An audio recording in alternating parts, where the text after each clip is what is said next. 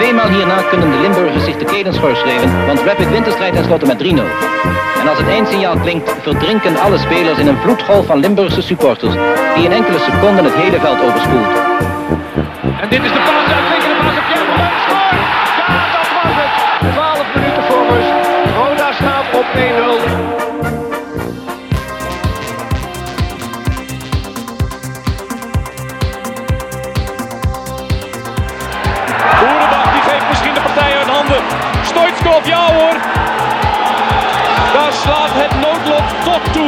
Fout van uitblinker Michel. Ja, natuurlijk. Ik ga maar niet doen of Keerkruis of of Holland of wat. Eh, of Boeselender. Het is gewoon schitterend om te met Fries te winnen. Dat is gewoon chance. En Lijpers houdt zo verschrikkelijk hard uit.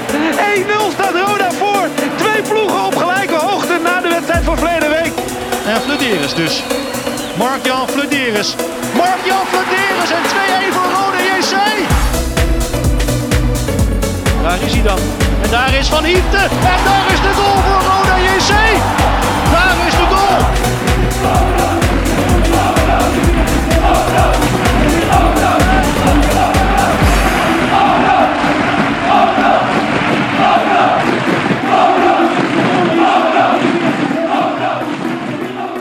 Je luistert naar de Voice of Calais. Bjorn, we zitten in de brandbierlounge. De vaste brandbierlounge, Rob. Ja, de brandbierlounge begint meer een, eh, ja, een, een, een zekerheidje te worden dan de Veilerhof en eh, bij Marco, hè? Ja, Marco moet het weer wat beter worden. Ja. Veilerhof zijn we wel natuurlijk weer een paar keer geweest. Ja, daar zijn we wel een paar keer geweest. Eh, maar brandbier mag stilaan wel contact met ons gaan opnemen, denk ik, hè, voor al die gratis PR. ja, man, een IPA'tje van brandbier. Paar, zo'n sixpackje, mogen ze wel neerkomen zetten hier bij zo'n podcast. Ik denk dat dat ook wel gaat. Dat is Arno ook wel, of niet Arno? Nou ja, af en toe lust ik wel eentje, ja. Dat is een politiek antwoord. Bjorn, eh wat je sponsors? Rondje sponsors, hè, die mensen betalen niet voor niks grof geld. Nextdoor, kapsalon, nagel en beauty salon aan de Locht 44A8 in Kerkrade. Kijk ook even op Facebook bij Bart Urlings. Dan kun je zien hoe die man opeens een eh, hele nieuwe, frisse style heeft. Dus als je er ook zo wil uitzien, dan weet Zo- je waar je moet zijn. Dat is wel de eerste keer in zijn leven, hè? Ja, daarom. Hij is Ja. ook heel blij. Ja, dat zou ik ook zijn. Je ziet hem echt glunderend rond. Dat is eigenlijk een soort, even een soort make-over gehad. Even een fully complete makeover heeft hij gehad. Alles. En toen hij thuis kwam bij de vrouw, zei de vrouw, wat is voor jou? Zei de vrouwen bij, wat is dit voor aantrekkelijke man? Wat doe je hier voor de... Kijk uit al, ik kom mijn vriend thuis.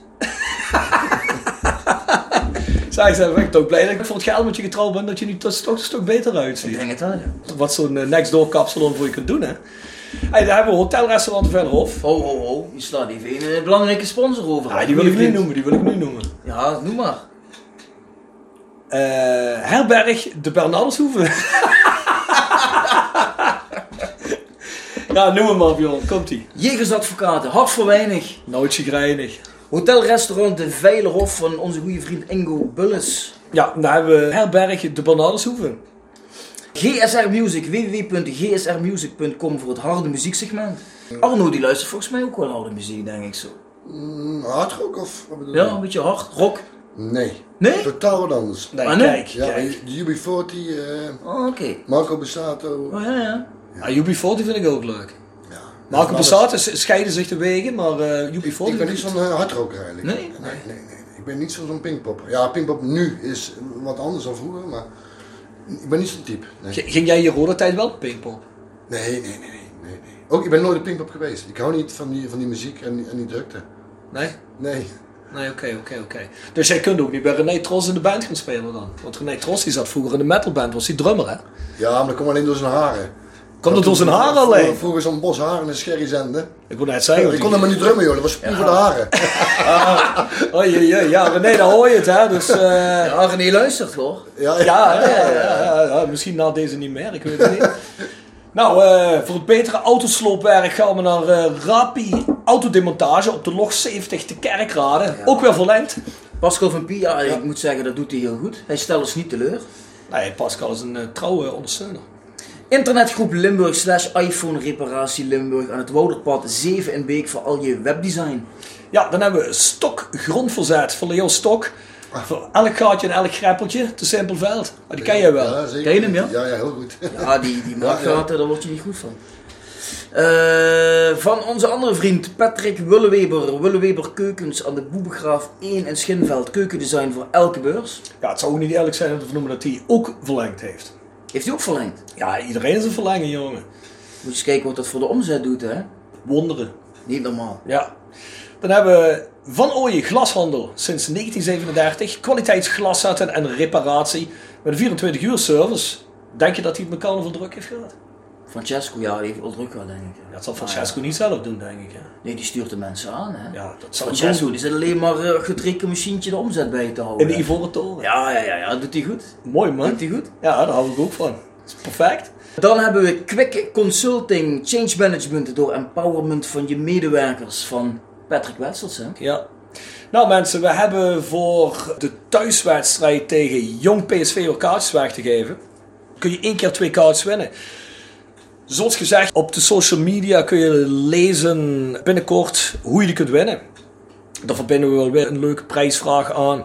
We zullen er een eh, Voice of shirtje bij gooien. Hè? En als je de kaartjes niet wint, kun je eventueel via rodajc.nl slash ticketing ook kaartjes kopen. 2,50 goedkoper dan dat je ze aan de kassa in het stadion of in de fanshop koopt. Ja, ik zou zeggen, haal kaartjes. De club heeft het hard nodig. Lijkt me wel, ja. Zeker als we dadelijk uit bij NAC winnen en thuis van Telstar, dan gaat het toch wel kriebelen erop die vierde periode, denk je niet? Ja, denk je dat het gaat kriebelen? Als dat zou gebeuren wel, ja. Ja, denk je dat het gaat gebeuren? Ik denk het niet. nee, weet je, ik, Ai, ai, ai, ai, ik denk- Denk aan de kijkers Ik denk- de luisteraars. Dat wordt maar iets lekker te maken en dan... eh, Ja, nee, maar kijk, ik denk het niet, maar eh, de bal is rond, het zou zomaar kunnen. Het zou inderdaad zomaar En kunnen. als het gebeurt, ja, dan kan het nog een leuke periode worden. Dat klopt, dat klopt. Ja, je weet het niet, hè? Ja, ik ben, ik ben gewoon een heel positief mens, Rob. Je kunt je dat misschien niet goed voorstellen. Maar ik ben Nee, heel ik kan me het helemaal niet voorstellen. Nee, daar heb je gelijk in. Dat kan ik me niet voorstellen, nee. Nou, gepresenteerd en geproduceerd wordt de podcast door. South 16. Ja, als je zo'n mooi shirtje wil hebben, net zoals Arno op het moment aan heeft, de Voice of Oei, Nou ja, het is helaas eh, zonder geur en zonder, eh, Zonder beeld. zonder beeld. Dan ga je naar shop.south16.com. Daar kun je de shirts kopen en ook andere Roda fan gerelateerde merch. Wellicht binnenkort verkrijgbaar in de fanshop bij Roda ook. Hè? Dat zou helemaal mooi zijn. Ja, dan hebben we nog ons mailadres, voiceofcalais.south16.com. Dan mag je van alles heen sturen. Dan mag je zelfs ook eh, ja, donaties heen. Moeten we niet beginnen met donaties? Enkele donaties.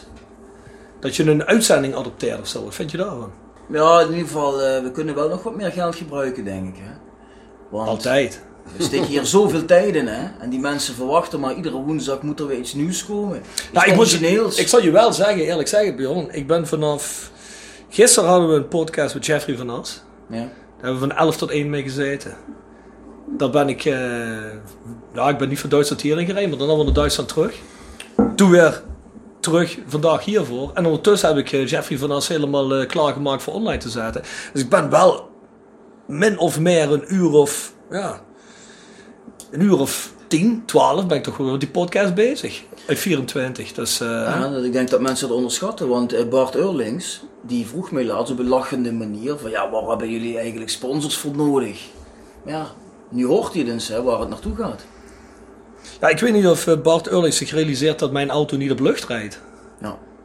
Ik, denk dat Bart dat moeilijk, ik denk dat Bart moeite heeft om dat te doorgronden, te doorzien hoe dat werkt. Hij, hij vat het alle... Ik zal die Bart Eurlings bij die uitwedstrijd naar zondag in de bus even zijn oren Ja, wassen. spring hem er maar zo aan, ja. Zijn oren wassen met zo'n lekker biertje wat je kunt kopen. ja spring hem maar eens goed op aan. Brandbier. Nee, dat zijn geen brandbiertjes, Arno. Dat zijn geen. Op de bus eh, krijg je alles van, eh, ja, wat is dat? Van de Primus. Primus en dan heb je nog van allerlei van die biertjes. Goeie biertjes, euro. Lekker, man. De tip van de week, ja, die heb je natuurlijk alweer niet, hè? Nee, maar je vraagt me nou twee dagen achter elkaar naar de tip van de week, maar je geeft me niet eens de tijd om me daarop voor te bereiden. Als ik al in die hele tijd al tien uur in een podcast heb gewerkt en jij bent gewoon maar twee keer komen zitten, dan kun je toch ook tussendoor even de tip van de week denken. Nou, ik zal er de volgende keer zal ik er eh, even goed over nadenken, maar... Ik heb een tip voor je. Oh jee. Dat zal niet altijd even in goede aarde vallen bij iedereen eh, die Roda-fan is, omdat er natuurlijk ook over andere Limburgse clubs wordt gepraat. Maar ik vind eigenlijk de podcast eh, van de Limburger, de voetbalpodcast van de Limburger, die op de maandagmiddag uitkomt, vind ik altijd heel amusant. Ik erger hem ook soms wel eens, hè. Maar ja, ik vind het wel interessant te luisteren wat er over Roda verteld wordt natuurlijk. Dat in eerste instantie. Ja, en eh, hoe onze clubwatcher Jimmy Leenders er tegenaan kijkt. Er wordt er de pannenkoek van de week uitgedeeld. Ja, die is ook wel eens naar Roda gegaan. Denk bij mezelf, ja oké. Sommige momenten is dat, ja, kun je er ook niet omheen. Maar het is een amusante podcast. Dus ehm, als mensen daar geïnteresseerd zijn, ga dat even checken. Elke maandagmiddag. Nou Ja, Jimmy riep hier eh, toen in de uitzending dat ze geloof ik iets van tienduizenden of duizenden luisteraars hadden. Ik geloof dat tienduizenden zei hij zelfs. Dat weet ik niet. Maar ik, je zou denken dat eh, de grootste Limburgse krant met een podcast wel genoeg luisteraars zou hebben. Ja. Ja. Toch? Dus denk ik alleen niet, er worden alleen niet zoveel grapjes gemaakt als bij ons, denk ik. Nee, onbedoelde grapjes. Want die clubwatcher van eh, Fortuna die, eh, heeft Roda al een paar keer neergezet als eh grootste clownsclub van het land. Maar je moet je wel realiseren dat je er zelf in gaat kijken. Dus, Want die man heeft er verstand van. tuurlijk gaat alles mis. In potentie is het nog altijd de grootste club van Limburg. En dat weet ook iedereen. Dus, dus niet- ze, ze hoeven niet te haten. Dat is denk ik een feit, want zelfs Geert-Jan Jacobs heeft dat bevestigd. En, En dat Jimmy- is wel een autoriteit, Geert-Jan Jacobs. En Jimmy Leenders zelf ook. En Jimmy Leenders ook. Dus zowel de Limburger als de VI vinden het de grootste club van Limburg. Dus daar valt niet meer over te discussiëren. Mooi. Hoppakee. Ja, onze gast vanavond. Ja, niemand minder dan Arno Dominic, een van mijn persoonlijke favoriete spelers uit het verleden. Dank je. Ik kan me herinneren dat ik altijd naar Roda ging, Rob, op de overdekte staantribune. Op Kaleide. Op En Noord. En eh, op Noord. En dan keek je gewoon naar die spelers op dat veld. En dan zag je bijvoorbeeld Arno. En dan had ik altijd het idee van, ja, er is hier geen middenvelder van de tegenstander die hier het spel even gaat eh, maken. Dat middenveld is gewoon bij ons in handen. Met deze mannen. En Arno voorop. Ja, en dat, dat mis ik nu wel heel erg. Dat vind ik een van de grote gemissen de laatste jaren. Ja, ja. Als iemand die de elftal heeft aan het nekveld pakt en zegt, nu gaan we bikkelen en nu gaan we eens even kijken hoe we dat gaan deconstrueren. Ja. Zijn er nog überhaupt spelers tegenwoordig die voetballen die, die een beetje jouw stijl hebben, Arno? Jawel, jawel, die zijn, er absoluut. Ja? Alleen, alleen niet op eh, dit niveau waar Roda nu is, natuurlijk. Of natuurlijk, eh, ik, ik zie ze nog niet. Ik kom wel eens kijken hier, maar... Goed, eh, Die lopen in de eredivisie rond. ja, de Eredivisie of, of, of buitenland. De Eredivisie lopen er wel genoeg rond hoor, die Ja. dat doen. Maar en vroeger had je het gewoon veel meer. Op een of andere manier heb ik altijd in de Eredivisie gespeeld, gelukkig. Dus ik, ik ben zo- zo'n laag niveau eh, gewend, om het zo maar zeggen. Dus ik keek daar vroeger nooit naar. Ik keek al naar, naar het hoogste niveau. Goed, dat doen de meeste mensen zelf ook. Maar nu kijk je dus naar een lager niveau. En dan zie je dat heel weinig terug op het veld. Ja goed, ik vind niet meer als normaal. Als jij, als jij een contract hebt bij een club, of het een Roda is of een andere club, dat je het gas opvreet. Als je daar op het veld staat. Hè? Het is eigenlijk in eerste instantie een stukje mentaliteit wat je meeneemt. Ja, ja, absoluut. Ik bedoel, voor hard te rennen en het gras op te vreten hoef je in principe in eerste instantie geen talent te hebben. Om daarna het spel een beetje meer te lezen en te kijken wat er al... Dat is natuurlijk een tweede, hè, het, het spelletje zelf. Maar de inzet, dat kun je volgens mij, eh dat al je dat, is binnen. dat is inderdaad geen talent, maar dat, dat is wel een gegeven. Ja. Je, je kan heel hard werken, zonder verstand heeft het geen zin. Dat is wel dat een kwaliteit. Hè? Dat is wel een Is- is- is- kwaliteit. is- is- kwaliteit, is absoluut een kwaliteit. Maar wat ik ermee wil, wil zeggen, het is niet zoiets als dat je bijvoorbeeld dat je een fluwele traptechniek hebt waarmee die aangeboren is van een bepaald talent. Kijk, het, het is van de ene kant natuurlijk ook wel iets wat je aangeboren moet zijn. Ja. Hè, dat je die mentaliteit Ja. hebt en dat Ja. je er iets mee kunt doen. Maar van de andere kant, er zitten kweekbare elementen in, zoals een stuk conditie. Dat je blijft gaan Ja, bijvoorbeeld. Hè, dat bedoel ik een beetje. Absoluut. Heeft allemaal met elkaar te maken. Ja, Alles. En de, een, de ene speler heeft eh, meer talent dan de andere. En ik had bijvoorbeeld ook wel talenten, maar niet zoveel als bijvoorbeeld eh, een Barry van Galen, om maar één te noemen.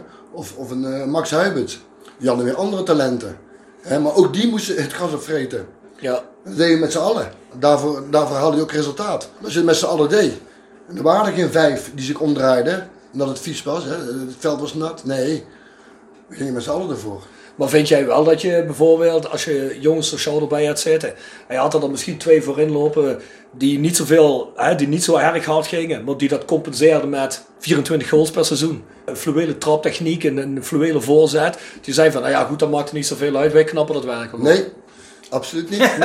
Absoluut niet. Dan kreeg je op zijn flikker. Type Romario. Ja, natuurlijk. maar. Als Ma- Max Huib is absoluut een goede voetballer met, met heel veel talenten. Maar als hij godverdomme de bal te makkelijk verloor, dan kreeg hij op zijn op zijn flikker van ons natuurlijk. Want wij moesten er achteraan weer. Ja. Dus wat ging hij doen, Max Huibus? Die ging ook hard werken en die bal weer terug veroveren. Kijk, als, je, als je zo gaat beginnen van oh, hij heeft meer talent, dan, dan laat dat maar. Dat is helemaal fout. En, Iedereen, en, iedereen moet er gewoon voor knokken. en Maurice Graaf, hoe ging dat met hem? Hetzelfde pak je aan, hè? Als je Ja? de bal verloren kreeg, ze kloot, hè? Zo simpel was het. Daar kom ik daar nog wel op terug, Maurice Ja. Graaf, want die heeft een aantal leuke vragen voor Arno eh ingestuurd. Oh ja? Maurice heeft Maurice Graaf vragen Oh, ingestuurd. altijd, leuk met Maurice. Ja. Hey, maar voordat we daarop ingaan, Arno, defensief middenvelder. ja. De mensen die eh, vroeger, eh, of die al wat ouder zijn, die eh Arno hebben zien spelen, zullen dat zonder meer weten. Jeugdopleiding genoten bij PSV. Ja. Dan Sparta en sinds 93 bij Roda tot 2000. Ja. En toen heb je nog twee seizoenen bij NAC gespeeld. Ja, ik had een drie jaar contract en ik heb twee seizoenen eh, kunnen spelen nog. Met horten en stoten, want ik had eh, een heupslijtage. Dus eh, op een gegeven moment heb ik dat eh, gerevalideerd heel lang. Maar ja, dat ging niet werken, dus ik moest ermee stoppen. Ja, eigenlijk had ik nog een jaar contract, maar ik ben daar een jaar jeugdtrainer geweest. Ja. Om dat contract zeg maar uit te dienen. En eigenlijk was dat het verhaal. Ik had een drie jaar contract. Ik ging in 2000 weg. Had ik eigenlijk nog een drie jaar contract bij Roda. Maar die ben ik verkocht en toen heb ik nog een drie jaar contract getekend daar. En na dat jaartje eh, eh, jeugdtrainer, om het contract uit te dienen, daarna Ja. niks meer gedaan bij NAC. Eh, daar heb ik nog een jaar, heb ik, ben ik nog een jaar jeugdtrainer ge- gebleven daar. En toen ben ik jeugdtrainer bij Roda geworden in 2005. Ook voor één jaar maar, want dat was zo'n grote puinhoop. Tot, tot ik elke dag met zo'n lang gezicht thuis kwam. Dat mijn vrouw zei van, nee, gaat niet meer volgend jaar. Zo erg was het. Zo erg was het, met pijn in mijn hart. Maar het was wel zo. Dus dat heb je één jaar gedaan. En gedaan. daarna niet meer. Nee, ja, ik ben jeugdtrainer bij amateurclubs eh, ben ik geworden. Maar hoe kan het dan? Dat was dat zo'n zootje ongeregeld dan? Nou, het was met... eh, Wil je dan met- Ja. Luistert hij ook? Eh, met Wim weet. Frus, Wim Frus en eh weet die andere? eh, die gingen toen naar Oekraïne. Wim Frus was hoofdjeugdopleidingen. Met, hoe heet die nou, die hier een puinhoop van gemaakt heeft? Ton Kane. Oh, oh, Ton Kane. Oh, Ja, die hadden mij van NAC als als me naar Roda gehaald. Want je woont hier en het is beter als je hier trainer bent. Ja, natuurlijk. Ik, ik zei natuurlijk gelijk ja. En eh, op het moment dat ik op vakantie was, kre- kreeg ik te horen dat die naar Oekraïne gingen. Zonder mij iets te laten weten. Nou, toen ik bij Roda kwam, zeg maar na mijn vakantie, toen begon, begonnen de trainingen, hadden we ineens een, jeugd, eh, eh, een jeugdleider. Dus ja, werd één grote pijn op werd het. En William Vloed heeft ook alles eh door elkaar gegooid in de jeugd. De- de- die, die gaf er helemaal niks om. Dus we waren, en we trainen in hetzelfde stadion toen. Dus we kwamen elkaar eh, af en toe tegen. En er was geen boer wel, wel wat hij zei. Dus ik kon niet eens vragen hoe het zaterdags geweest was eh, met een wedstrijd. William Vloed ben ik echt een, heb ik geen goed woordje voor. Nee, absoluut niet. Ja, en toen daarna is het een puinhoop geworden. En er waren ook heel veel spelers die ik had. Dat ik zei van, eh, wat doen die hier in A-jeugd bij Roda? Wat doen die hier? Hoezo bedoel je? Hoe doen, wat doen die hier? Eentje zit in, eh, op school in Maastricht, in de universiteit. En eh, die moet hier blijven, want die moet, zegt, die, die moet hier helemaal niet blijven. Zegt, kwaliteit, die mogen blijven. Als je in school in Maastricht zit en je komt uit China, was een Chinees. Die zat in de pleeggezin. Want die kregen ervoor betaald, dat pleeggezin. En daarom moest hij blijven. Ik zeg, nee. Ik zeg, we moeten naar kwaliteit kijken. Dan kunnen we kijken of, of, of spelers mogen blijven of niet. En elk seizoen moet je dat, moet je dat kijken. Hè, en niet na vier seizoenen of eh, als ze 18 zijn erachter komen, ja, we stonden niet goed genoeg. Ja, en dat soort dingen stoorden mij enorm. Maar ik, ik het gevoel had dat ik dat niet kon veranderen op dat moment. dus dat was eigenlijk heel erg ongeorganiseerd, de jeugdopleiding bij op dat moment. Ja, ja. Ik, ik heb het gevoel dat het wel wat beter is geworden. Maar het, het, het meeste geld gaat gewoon ja, naar het eerste. Van het eerste team. Hè, en te weinig naar de jeugd. Te weinig naar de opleiding. En, en, en je hebt eh, sindsdien nooit meer iets officieel voor Roda gedaan. Nee, nee. Vind je dat wel jammer? Absoluut. Ja, we zijn, ik ben nu ook met, bij 2.0 met, met Gerrit die zijn om dat eh, misschien te gaan veranderen. Hè. Het liefst zou ik natuurlijk hier in het stadion eh, rondlopen. Dus, eh, maar goed, daar zijn we mee bezig. En of dat gaat lukken, ja, dat, dat zal de Wat, wat, wat, wat, wat vind je zelf dat, eh, dat een geschikte rol voor jou zou zijn? Wat zou je zelf zien Ja, daar hebben ze mij ook een paar keer gevraagd. En het liefst zou ik iets in de jeugd willen doen. Hè, of, of bij een eerste elftal eh, als assistent of, eh, of, of, of middenveld training of weet ik van wat. Of, zo, of zoiets. Daar vind ik ook dat er te weinig mee gebeurt. Als ik die trainingen ga kijken, dan als het tijd is, dan gaat iedereen naar binnen toe. Hè, in plaats van dat je de mensen pakt in het middenveld en dan ga je met paas aan trappen. Met het verkeerde been. Dat, dat soort dingen zou ik dan graag willen doen. Hè? En dan nog, natuurlijk nog meerdere dingen. Maar dat soort dingen mis ik wel bij de club. En dat mis ik ook van de spelers. Dat is ook een bepaalde mentaliteit. Hè? Een talent om te zeggen van ik ga niet naar binnen toe. Dan doe ik wel na de lunch. Maar ik ga tot de lunch ga ik hier voor mezelf oefenen. Mhm. Of als we één training hebben, dan gaan we hier op het veld. Dat deden wij vroeger wel. En goed, en of dat allemaal eh, te maken heeft met het resultaat, daar heeft zoveel mee te maken. Mhm. Maar dat zijn wel de dingen die ik mis. Ja, ja, ik denk dat een beetje extra nooit kwaad kan. Hè? Nee, logisch. Je moet zoveel niemand- heeft nog nooit eh, iemand kwaad als je gedaan. oh, op zondag een wedstrijd hebt en maandag je weer een nieuwe dag, dan moet je ervoor zorgen dat je tot en met zondag heel veel bijleert. Mhm. En als je denkt van op zondag van volgende keer weer een wedstrijd, ik, ik, ik, ik weet alles al en ik ken alles al, ja, dat soort spelers moet je natuurlijk niet hebben. En daar wordt, niet, daar wordt volgens mij niet naar gekeken. En jij hebt eh, in je hele defensieve middenveldcarrière maar één keer rood gehad, hè? Ja, één keer maar. Ja, ja, wel 30 keer geel zie ik, maar... eh, Maar ja, Toch één, één keer rood was eh, bij de graafschap uit volgens mij in de beker. Kan dat zou zomaar kunnen, dat weet ik competitie? nee, dat weet ik niet op wat het was, maar... eh één Nee, keer ik heb meerdere keren rood gehad. Ja. Is dat zo? Schalke, Schalke uit, Schalke Rona, UEFA Cup. Oh, ja, is- is misschien Europees. Omdat Dat het Europees Europees Europees, erbij ja. stond. Waar heb je gekeken? Transfermarkt. Nee, als je niet meer actief bent, staat er heel weinig info voor je op transfermarkt. Dus Maar zal, dat ik heb... bij, bij de, op internet staat het. Ja, op internet Maar dat klopt niet, want er staat ook maar dat, dat ik 27 doelpunten heb gemaakt. Maar ik heb er zeker 7 87 gemaakt of zo. Nou, 21. nou, zou je het sterker verstellen, er staat 21, niet 27. Zie je, daar klopt geen kloten van. Sorry, we wisten niet dat jij een half jaar klasje aan Huntelaar was. Dat wisten we niet. Maar, maar twee keer bekerwins ook, hè? Ja, ja. Vooral de eerste keer eh, nou, stond ik ook in de basis. Dus het, en, en was natuurlijk ook speciaal omdat het de eerste keer was. Ja. En natuurlijk tegen Heerenveen met de supporters, dat was, dat was gewoon een geweldige dag. Ja, dat was een alles, geweldige alles, alles zat mee, het weer, eh, de supporters, eh, ja, de winst natuurlijk. En de tweede keer was tegen NEC, en dat was voor mij wat minder, want toen stond ik reserve. Mhm. Ben ik wel ingekomen nog. Dat was voor mij, ja goed, toch twee keer de beker gewonnen. Hè? Dat staat wel op papier, daar gaat het om. Hey, eh, heeft, heeft, Nol, heeft Nol Hendricks of zo jou toen bij Sparta weggehaald? Of hoe is het gegaan dat je bij Roda bent gekomen? Ik, ben, ik zal bij PSV beginnen waar ik begonnen ben. Daar kwam ik als 13-jarige binnen en eh, mijn trainer werd Huub Stevens.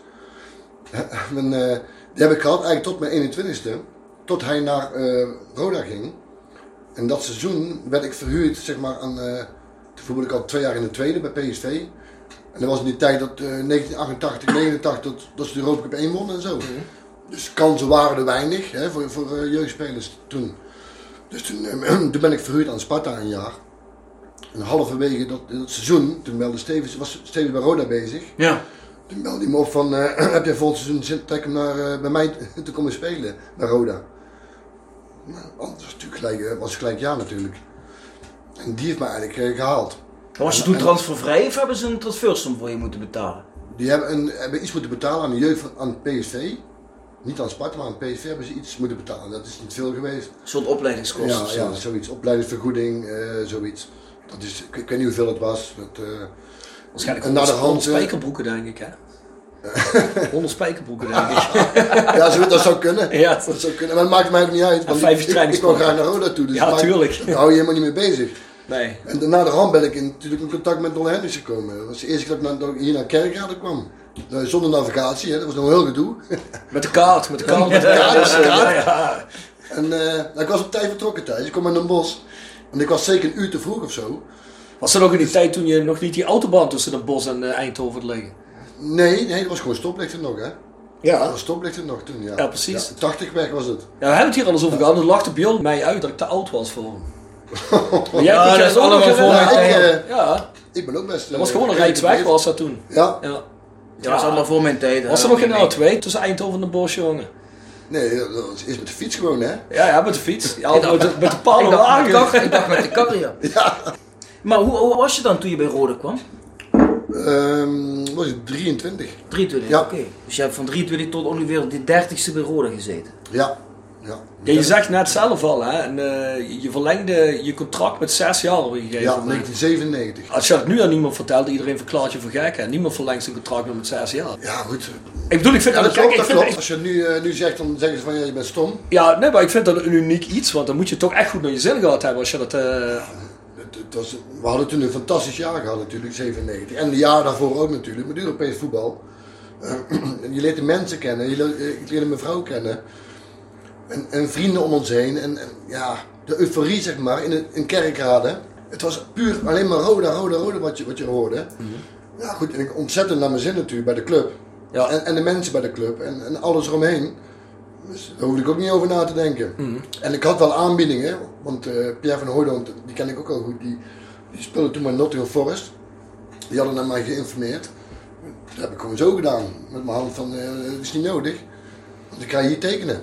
Mhm. Zo overtuigend, wel, omdat ik gewoon me lekker voelde. Ik ben iemand die, die als ik me lekker voelt, dan uh, ik, ik ben niet zo'n. eh, af en toe is het misschien stom. Hè, want iedereen praat nu over geld, geld, geld. Je moet je binnen voetballen. Eh, maar achteraf denk ik van ja, ik heb er geen spijt van gehad, geen seconde. Want ik heb hier zoveel mooie dingen meegemaakt. En was- uiteindelijk gaat het erom in het leven. Tuurlijk. En om geld natuurlijk, maar maakt geld dan gelukkig? Ik Maar het was dat- niet zo dat je Peter Gerard als zaakwaarnemer had. Die zei van teken maar bij bureau dat we andere clubs, dat vertel ik je niet. Zoals hij bij eh Gilio Gilio Vrede. heeft gedaan. Ja, nou, dan ga je, dan ga je lachen, die had ik wel. maar niet, niet op dat moment. Dus van de Nottingham Forest, dat wist je eigenlijk pas Nee. drie jaar later. Dat was. Nee, op dat moment had ik, eh, had ik Kees Ploegsma. Oh ja. Ik had dan wel, ik had Peter Gerards toen ik naar Roda kwam. En daarna ook nog eh, de volgende contractbespreking. En, de- en toen, met, die, met het zes jaar contract, had ik eh, Kees Ploegsma. Dat was een stukje beter geregeld. Maar goed, alle in- en uit, dat, weet je toch nooit. Dan sta je als speler op dat moment niet bij stil. Achteraf denk je van, we zijn zo en dat. Als je daar geen verstand van hebt, dan... en ik was tevreden. En, en daar gaat het uiteindelijk om. En wat, wat ze daarna in de eigen zak hebben gestoken, ja, dan, dan moet je daarna niet meer over zeuren natuurlijk. Nee, goed, maar gewoon het feit dat je, dat je voor Roda kiest op zo'n moment, ja, toch een, een roemrijke club zoals Nottingham Forest aanklopt. En als je daar ook nog iemand hebt spelen die je kent, Ja. hè, dat is toch een compliment voor Roda, denk ik. Want als nu iemand gevraagd wordt om van Roda naar Nottingham Forest te gaan, zal de keuze niet zo moeilijk meer zijn, denk ik. Hè? Hebben ze niet gebeld, al weg. Ja, dat denk ik ook Ja, niet. maar- Maar, het zijn wel natuurlijk ook andere tijden, wat jij zegt. hè. Je hebt de beker gewonnen. Nou, en er is euforie. Ja, kijk, Nottingham Forest speelde toen in, in de... Premier League nog? Premiership. Ja, Premiership zeg ik goed, ja. ja. ja, ja Premiership, ja. En wij werden, werden tweede in Nederland. En een jaar erop werden we vierde. En toen wonnen we de beker. Ik denk, waarom moet ik het verder gaan zoeken? Hè, in het buitenland, waarom zou ik dat doen? En ik was hier gelukkig, dus ik heb daar geen moment aan, eh, over, over nagedacht eigenlijk. Over stilgestaan, laat ik het zo zeggen. Nou, netjes. Om weg te gaan. Nee. Hey, allemaal even een eh, vraag van eh, Patrick Wetsels. Dat is van onze sponsor, hè, Quick Consulting People. Ja. Eh, hi Arno, je was altijd een rots in de branding, maar toch vrij lang ondergewaardeerd bij het voetbalpubliek in Nederland. Wordt het steeds lastiger voor deze generatie spelers nu om een dienende rol aan te nemen in een tijd van zelfprofilering en opvallend moeten zijn om erbij te horen? Eh, Nee, dat is niks veranderd. Eh, Je hebt gewoon waar mensen naar kijken in het voetbal, dat is naar de, de mensen die de doelpunten maken. En de mensen die een mooie actie hebben. En de mensen die een beetje verstand van voetbal hebben, die kijken ook verder. En die spelers, zoals ik, of zoals er nu ook nog honderden rondlopen. Je moet jezelf niet belangrijker maken dan je bent. En denken van, ik moet me in de, in, in, in, de- picture spelen, want dan val ik op. En dan, dat is, is niet belangrijk in een elftal. In een elftal moet je je plaats weten en dan moet je uitvoeren en klaar. En als mensen, die zijn beter, er waren spelers die waren beter dan mij. Maar dat heb ik dan te vertellen. Hè? Om, om te denken van, dan ga ik even een mooie bal geven of proberen met de rechtsbuitenkant. Dat heeft allemaal geen doel. Je moet je taak uitvoeren in, in, in, in een elftal. En de spelers die een doel moeten maken, die moeten dat doen. Wat denk jij dan? En ik snap het wel, ik snap de vraag wel. Hè, maar ik had er geen problemen mee. Ik, ik hield ook niet van om op de voorgrond te staan. Maar jij was natuurlijk wel vrij allround, hè? want ik kan me herinneren dat je toch regelmatig ook een doelpuntje meepikt. Ja. hè? Verdedigen, maar ook aanvallend, toch? Ja, jawel. Maar daarvoor bedoel ik, Ja. dat zie je eigenlijk helemaal niet meer zo vaak, vind ik, dat type voetballen. Of misschien eh, komt het omdat ik geen eredivisie meer kijk, omdat we er niet Nee, maar spelen, dat, maar dat, dat, klopt wel. je was echt overal te vinden, zeg maar. Ja, wij speelden ook een bepaald systeem, het 4-3-3 systeem toen. Heel jarenlang gespeeld. Waar het ook kon, dat de middenvelders er overheen moesten gaan. En nu speel je, ja, de meeste teams spelen 4-4-2. Hè, Hoe je het dan even wil noemen, eh, 4-5-1 of. Hè? Als, als de wedstrijd begint, lopen toch allemaal door elkaar. Dit is er geen systeem meer. Maar op dat moment, zoals wij spelen, was het echt 4-3-3. Dan moesten wij ook aanvallen. Hè? En dan moesten we ook verdedigen. Maar- Was jij dan een, een, een vroege box-to-box player, zoals ze dat vandaag de dag noemen? Ja, eigenlijk wel. Het liep, het liep met schompers. nee, maar, zo, ja, maar dat deden we ook graag. Hè? Kijk, het mooiste wat, wat er is in het voetbal is dat je kan aanvallen en dat je kan verdedigen. Ja, tuurlijk. Vind ik tenminste. Hè? Als je alleen moet verdedigen, dan ben je ook beperkt. En als je alleen kan aanvallen met iemand in je rug steeds, dan...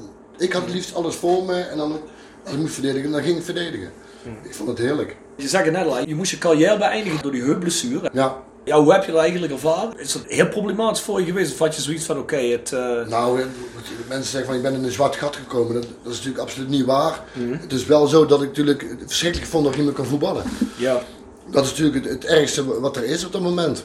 Dat je niet meer bij die groep hoort, dat je niet meer kan trainen, dat je niet meer eh, iets kan presteren op het veld. En dat je met een blessure zit. Maar goed, hoe langer de tijd duurt dat je niet meer voetbalt, dan hebt het een beetje weg. Ik, heb er wel heel lang over gedaan, maar ik ben niet in de, in de gat gekomen, absoluut niet. Maar ik had er al jaren last van, van tevoren. En die pijn is steeds heviger. Ik heb met spuiten gevoetbald. Eh, voor een wedstrijd moet ik van die, van die, van die, van die, van die warmtehouders om mijn heup leggen. En dan daarna zonder warming op die wedstrijd spelen. Daar heb ik allemaal voor overgehaald. En op een gegeven moment was het klaar. Op een gegeven moment was die pijn niet meer te verdragen. En daar ben je er ook eigenlijk een beetje klaar mee. Als je zoveel pijn hebt, want ik heb echt heel veel pijn gehad, dan, dan is de pijn wordt belangrijker dan, het voetbal. Dat je die niet meer hebt, wordt belangrijker dan het voetbal. Zo erg was het. Ja, en dan is het, wordt het een stukje makkelijker. Maar als je abrupt in één keer moet stoppen met voetbal, dat je dat je, je been breekt, dat, is, dat is tien keer erger. Dat is veel erger. Maar je hebt tijd gehad om je voor te bereiden, want je wist dat Ja, op een gegeven moment voorbij zou zijn. Absoluut. Ja.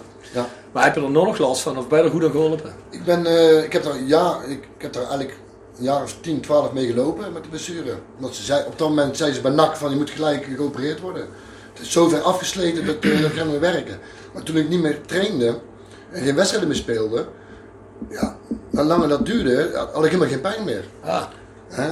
Ik liep al een beetje eh mang, maar dat zag ik zelf niet, dat voel ik zelf niet. Maar ik ben eh, vijf jaar geleden ben ik eraan geopereerd. Allebei de heupen tegelijk. Dat was gewoon helemaal afgesleten. Dat was gewoon, normaal is een kom zo, ik kan niet, maar dat was voor mij gewoon, gewoon afgesleten. Wat heb je kunstheup nu? Ja, Ja. en de, st- de kunst, dat schrikt iedereen, want het is een hele kunstheup, het is helemaal kunst. Maar het is maar een heel klein bolletje met een, met een heel klein kommetje. Ja. Wat, erin, wat erin gezet wordt, Ja. aan beide kanten dan. Kijk, een hele heup denk je van, tot die hele heup. Het is maar eigenlijk, een, het is wel een hele grote operatie, maar eigenlijk met heel weinig materiaal. Oké. Hoe lang heb je daarvoor moeten herstellen dan? Eh, drie maanden. Drie maanden was het, was het klaar. Wat houdt dat in dan? Moet je drie maanden plat liggen of rustig houden? Nee, of- nee, je moet, eh, ik had normaal bij één heup, eh, moet je de volgende dag weer lopen. Maar ja? Maar omdat ik het bij allebei had, eh, moest ik twee of drie dagen in bed blijven. In België. Heb ik zeven dagen heb ik gerevalideerd in het ziekenhuis, dat ik trappen kan lopen. En toen naar huis.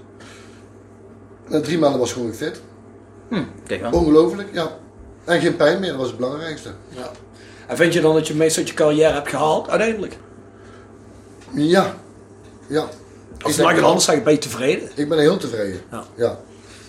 Goed, natuurlijk hoop je op, eh, kijk, de kampioenschap dat door ons neus geboord is. Hè, dat is het enige wat een beetje aan me vreet. Hè, dat was natuurlijk eh, ja, het, het mooiste moment geweest natuurlijk. Maar als ik alles, alle seizoenen bekijk, dan ben ik gewoon heel tevreden over, eh, over het resultaat van mezelf. Ja, jij hebt natuurlijk wel ook echt in de mooiste rode periode gespeeld, hè? Tweede geworden, twee keer beker gewonnen. Ja. Ja. Bij heel veel Europa Cup gespeeld. Ja. Ja, goed, daarvoor is ook een hele mooie periode geweest. Met, eh met Boerenbak en zo. Ja, dat was Ja, ook een mooie ja, periode. Alleen die jongens die hebben nooit de beker gewonnen. Nee, die, jongens, die jongens die zijn nooit tweede geworden. Zeker was dat ook een fantastische periode. Ik me nog wel die eh, Europa Cup wedstrijd tegen CSK Sofia. Of dat Ja, heette ik kan me toen. eh, herinneren. Ja, Tikje ja. terug. ja, ja, dat was dus, eh, eh, niet, net niet zo zachte tikkie. Maar goed, in ieder geval. Maar, eh, maar, dat vergeet ook iedereen. Die, die man die die bal veroverde, Stoichkov, Ja.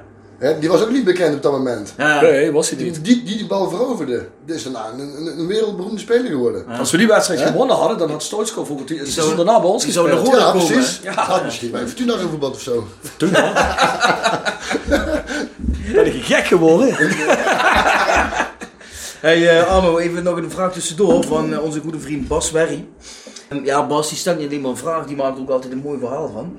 Arno, je maakt deel uit van de rode geschiedenis die ervoor zorgt dat de liefde voor mijn clubje nooit zal verdwijnen. Als men mij vraagt, waarom ga je toch steeds weer naar die zij kijken, dan word ik boos. Roda is geen zij in mijn beleving. Ik koester mooie herinneringen. Toen Bjorn me zei dat jij in de uitzending kwam, herinnerde ik me een prachtige goal van jou tegen Shakhtar Donetsk. Dankjewel Ja. dat je ons destijds zoveel moois bezorgd hebt. Mijn vraag luidt, hoe onverdiend was het dat we in Wolfsburg uitgeschakeld werden drie minuten voor tijd? Geef eens een mooie Europa Cup anekdote. Hoe? Over die wedstrijd of eh, over, over, over het algemeen? Ik denk dat laatste bedoelt hij algemeen. En over Wolfsburg, hoe onverdiend dat was. Ja, Wolfsburg ben ik het niet helemaal mee eens. Dat was niet echt onverdiend. Op dat moment waren wij, hadden wij geen goede wedstrijd gespeeld daar. En eh, dat we uitgeschakeld werden als supporter is dat onverdiend. Hè? Of, of, maar als je in het veld staat was het niet zo. We waren niet, eh, niet beter als hun. We waren, waren- op dat moment hadden we geen goede dag. En zat alles een beetje tegen. Ja, en dan zit dat ook tegen, dat je uitgeschakeld wordt. Dus dat was niet onterecht, vond ik zelf op dat moment. Hè? Goed, eh, iedereen ziet dat anders. En een mooie Europa Cup, eh, ja, dat is voor mij toch wel eh Benfica uit. Dat was een prachtige ervaring. Wat, wat mij bijgebleven is. Ik had dus een heel, mo- heel mooie ervaring, maar Benfica uit was, was als je dan in die catacombe uitkwam en dat al die mensen. Dat vertelde Marco van Hoogdalem ook, geloof ik, hè? 60.000 mensen Ja. eh, eh, naar je aan het schreeuwen zijn. Dat had, dat had iets, dat is eh, onvergetelijk. Dat is eigenlijk heel erg bij mij. En Schalke uit was het ook wel zo, maar niet zo erg als in Benfica. De mensen waren bezeten daar. En we verloren daar met- maar met 1-0. Mhm. Ja, en, en die thuiswedstrijd, laten we het daar maar niet over hebben. Nee, laten we allemaal niet over hebben. Nee. Tja, dat was heftig. Was jij ook bij die, eh, bij die schopwedstrijd of was er ook weer uit met al die gele kaarten? Donetsk uit, dacht ik, hè? niet? Nee, dat was die Er Donetsk. was, nee, er er waren ook al een hoop gele kaarten. Nee, trouwens. al die zeggen, gesproken. Dan weet ik heel zeker dat Donetsk uit ook heel veel Ja? gele kaarten was. Ja, er waren ook heel veel gele kaarten, klopt. Maar Maar- dat was niet een schopwedstrijd, vond ik. Nee, maar dat was een andere wedstrijd was dat, hè, waar we het over hebben. Ehm, ja, ik, goed, ik- wat ik meegemaakt... wie had het er nog laatst over? Dat Henk Vrezer daar nog gewoon met de nop op iemand sprong. Oh, Jen maar- Hansen had het daar Maar daar was ik niet bij. Was je daar niet bij? Dat was, met Henk Vrees was ik niet bij. Nee, dat was volgens mij voor zijn tijd. Bij Roda. Toch? Maar we hebben ook wel een aantal schopwedstrijden meegemaakt. Ja, want, die, want volgens mij was die Donetsk-wedstrijd niet... Hoeveel gele kaarten was er toen? We wonnen daar met 1-3. En volgens mij hadden wij 4, 4 5 gele kaarten. En hun ook, volgens On, mij, niet? onterecht trouwens hoor. Waren, waren, ze probeerden ons echt te naaien dan. Maar vol- volgens mij hun ook, of niet? En dan ook wel een aantal gele kaarten, ja. Ja, maar ik kan me twee wedstrijden maar die waren ook echt terecht. Ja. Want op een gegeven moment stonden we met, eh, ik geloof met 3-0 achter, maken ze nog 3-1. Toen ze met 3-0 achter stonden, begonnen alleen maar te schoppen. Mhm. Er was niet, geen bal in de buurt. Dus dat was gewoon terecht. Maar die scheidsrechter, die, die stonden allemaal militairen langs de lijn. En die scheidsrechter zag ik af en toe kijken, van ik kon niet meer thuis vanavond. Dus die gaf ons ook nog een paar gele kaarten. Ja, ja, ja, dat is gekke werk. Het is, het is toch gek dat je toch op zo'n internationaal podium denkt dat er dan iets, toch iets geks met je gaat gebeuren. Ja, zo, dat ook nou, voor de publiciteit, hè? toch wel? moet je echt eerlijk zeggen. Toen wij bij Shakhtar Donetsk uit moesten. En voor de wedstrijd moesten wij het veld op. En dan moesten wij door een, ja, een, soort, eh, een soort dranghekken lopen. Het veld op. En er stonden allemaal militairen. In de rijen van drie, zeg maar. En die stonden ook echt zo naar ons te kijken, zo heel boos. Nee, wat is dit joh? Met, met pistool en alles hè. En op de bühne was je ook alleen, alleen maar militairen. En aan het ene gedeelte was zeg maar gewoon eh, gewone mensen. Dat was echt wel een beetje beangstigend, moet ik eerlijk zeggen. Ja? Met echt gewoon allemaal, allemaal een wapen uitsteken zo. Oké. was heel vreemd. Was Ja. echt. Ja, dat was die tijd nog. doen. Dat de Ja, ja, ja, een ik beetje wordt. beïnvloeden. Ja, Bjorn uh, bezorgde wapensmaak hadden we staan. Ja, je ziet er sowieso wel vrij uit. Ja, natuurlijk. Dus je hebt geen wapen nodig. Ja, ik lach gewoon eens vriendelijk. Hey eh, Arno, eh, waarom waren bij de sokken plots de tenen afgeknipt? Dat is een vraag van Maurice Graaf. Is Daar weet, daar weet ik niks van. Het zal wel weer een voetbalhumor van Maurice Graaf zijn geweest. Een Denk wel. vermoed ik, hè? Ja, Weet je wat hij bedoelt? Ja, natuurlijk weet ik dat. van, de, van, de rotzak. nou, maar goed, wij, wij hadden eh, in die paar jaar tijd dat ik bij Roda heb gespeeld, hadden wij zoveel plezier onder elkaar. En we mochten aan elkaar allemaal en we gingen met elkaar om en de vrouwen gingen met elkaar om. En dat was één, één grote familie was dat. En daar horen natuurlijk ook grapjes bij. En dan hadden we elke week wel iets wat iemand flikte bij iets. En dat was Maurice Graaf, die had daar natuurlijk, en, en ik zelf moet zeggen ook, die vonden dat geweldig als je iets bij iemand flikte. En, maar hij heeft het bij meerdere mensen gedaan, hè? maar niet alleen bij mij. Dus dan ging je dan, wou je gaan, gaan trainen, en dan eh, deed je je sok aan en dan had je die sok ging je bij, bij je lies zitten, dat je helemaal doorheen ging. Weet je wel, dat soort dingen. Of bij de gewone sokken na de training. Dus na de training kleedde jij je om in je nette kleren en dan had je je sokken, had je dan lekker zo. Had een was- gat erin geknipt? Ja, dan had hij gewoon de, de dingen eraf, de, de, De voorkant. de tenen Ja, helemaal weg. tenen. Maar, tijgerbalsem is hij ook vergeten. Ja, hij zei ook, oh, vraag hem ook eens naar Red Hot in de sok. Ja. ja, dat is hij. Nou, niet alleen in de sokken, eh, Maries, was ook in de onderbroeken. Ja, deed hij dat?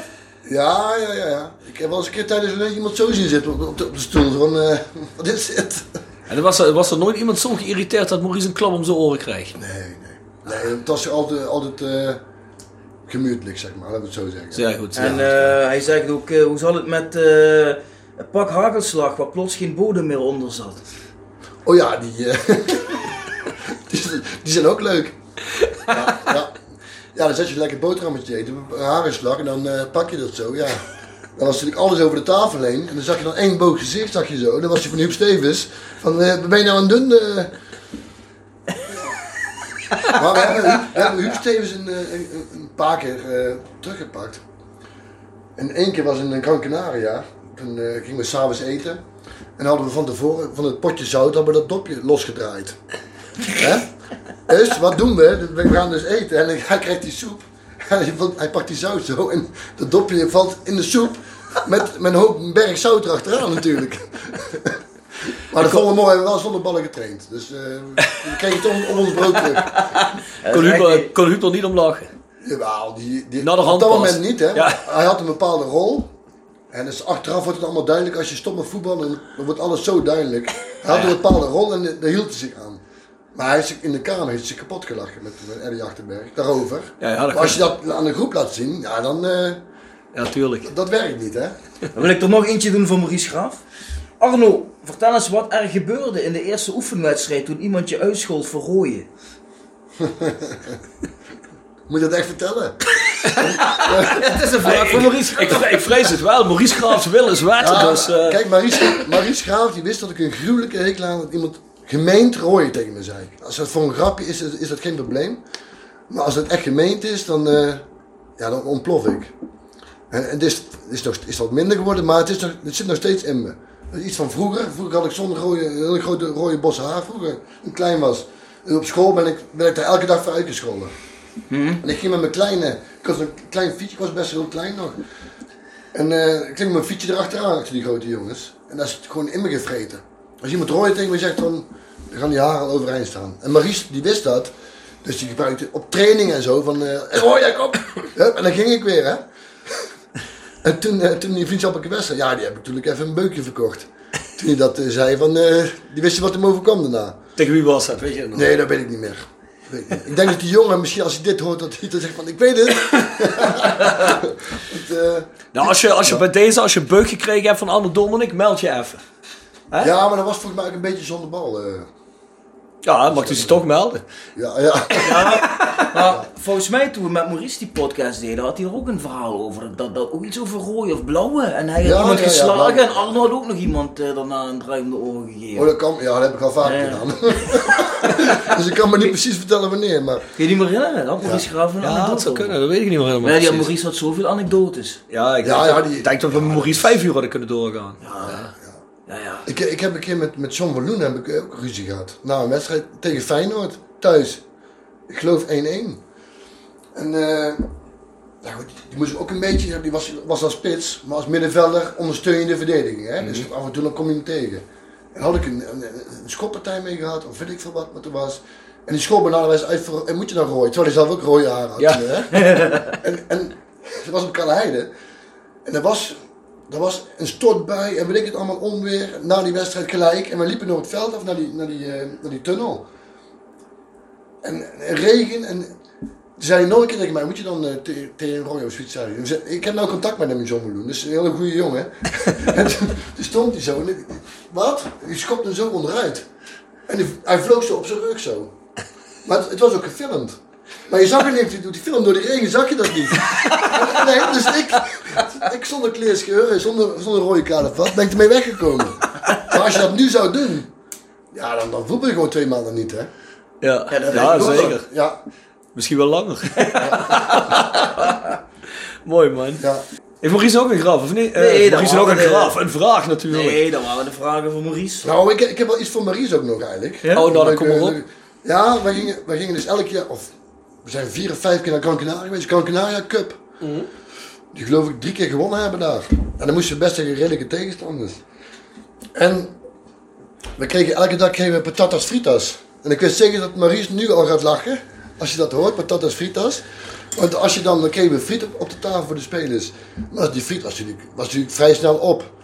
En, dan- en dan kwam, ze, dan kwam de serveertje kwam dan eh, nog de patatas fritas. En Maries Graaf zat het eerste met zijn vingertje omhoog. en dat is hem altijd bijgebleven. Omdat hij al wat gezet was en hij moest afvallen van Roda. Van, van Wankum zeg je misschien ook wel iets, Maries, van Wankum. Daarna is het minder gegaan met je. Maar als je dan. Als, als we het over hebben, zeggen altijd Maries, patatas fritas. En dan zit hij zo. Ja, ja, ja, ja. Twintig jaar later. Ja. Dat is gewoon geweldig. Dat zijn echt de leuke dingen. Ja, die. Maurice. Ja, eet hield hij wel van, hè? Ja. En dat was het. Nou, Broodje dat- kroket sloeg hij niet af, denk ik. Nee, nee, nee, nee. En twee ook niet. maar dat is, wel, dat is wel zijn beste jaar geweest. Ja. Ja. En daarna moest je dan afvallen. En nou goed, dan werd het spel ook minder door. Op een of andere manier zat hij niet lekker in zijn vel daardoor. En, maar goed, Maries Zei hij zelf ook, ja. Ja, Ja, hij zei zelf dat de rest tegen hem zei, of misschien noemde hij zelfs jouw naam wel. Hij zei van, ja, dus doe hem al wel een paar kilo op, dan ga je ja, beter zeker. spelen. Ik zei gelijk van, je moet Ja. hier gewoon gaan vreten man. Ga niet, hij, hij had wel een, een betere conditie, maar hij raakte geen pepernoot meer. Ja. En daar gaat het ook om het voetbal. Maar ik heb Maries al vanaf, ook vanaf mijn 12 of zo. Dan moesten we met PSV of 13 eh, met PSV tegen VVV speelden. Dan speelde die vervelende spits. Was Die toen een met- bol. Met, met zijn dikke, met zijn dikke kont en die, en die bolle kop. En ik had een gruwelijke hekel aan die gozer. Tot ik hem daarna met Roda natuurlijk tegenkwam. Ja, nou, de beste vrienden natuurlijk. Ja, mooi man. Ja.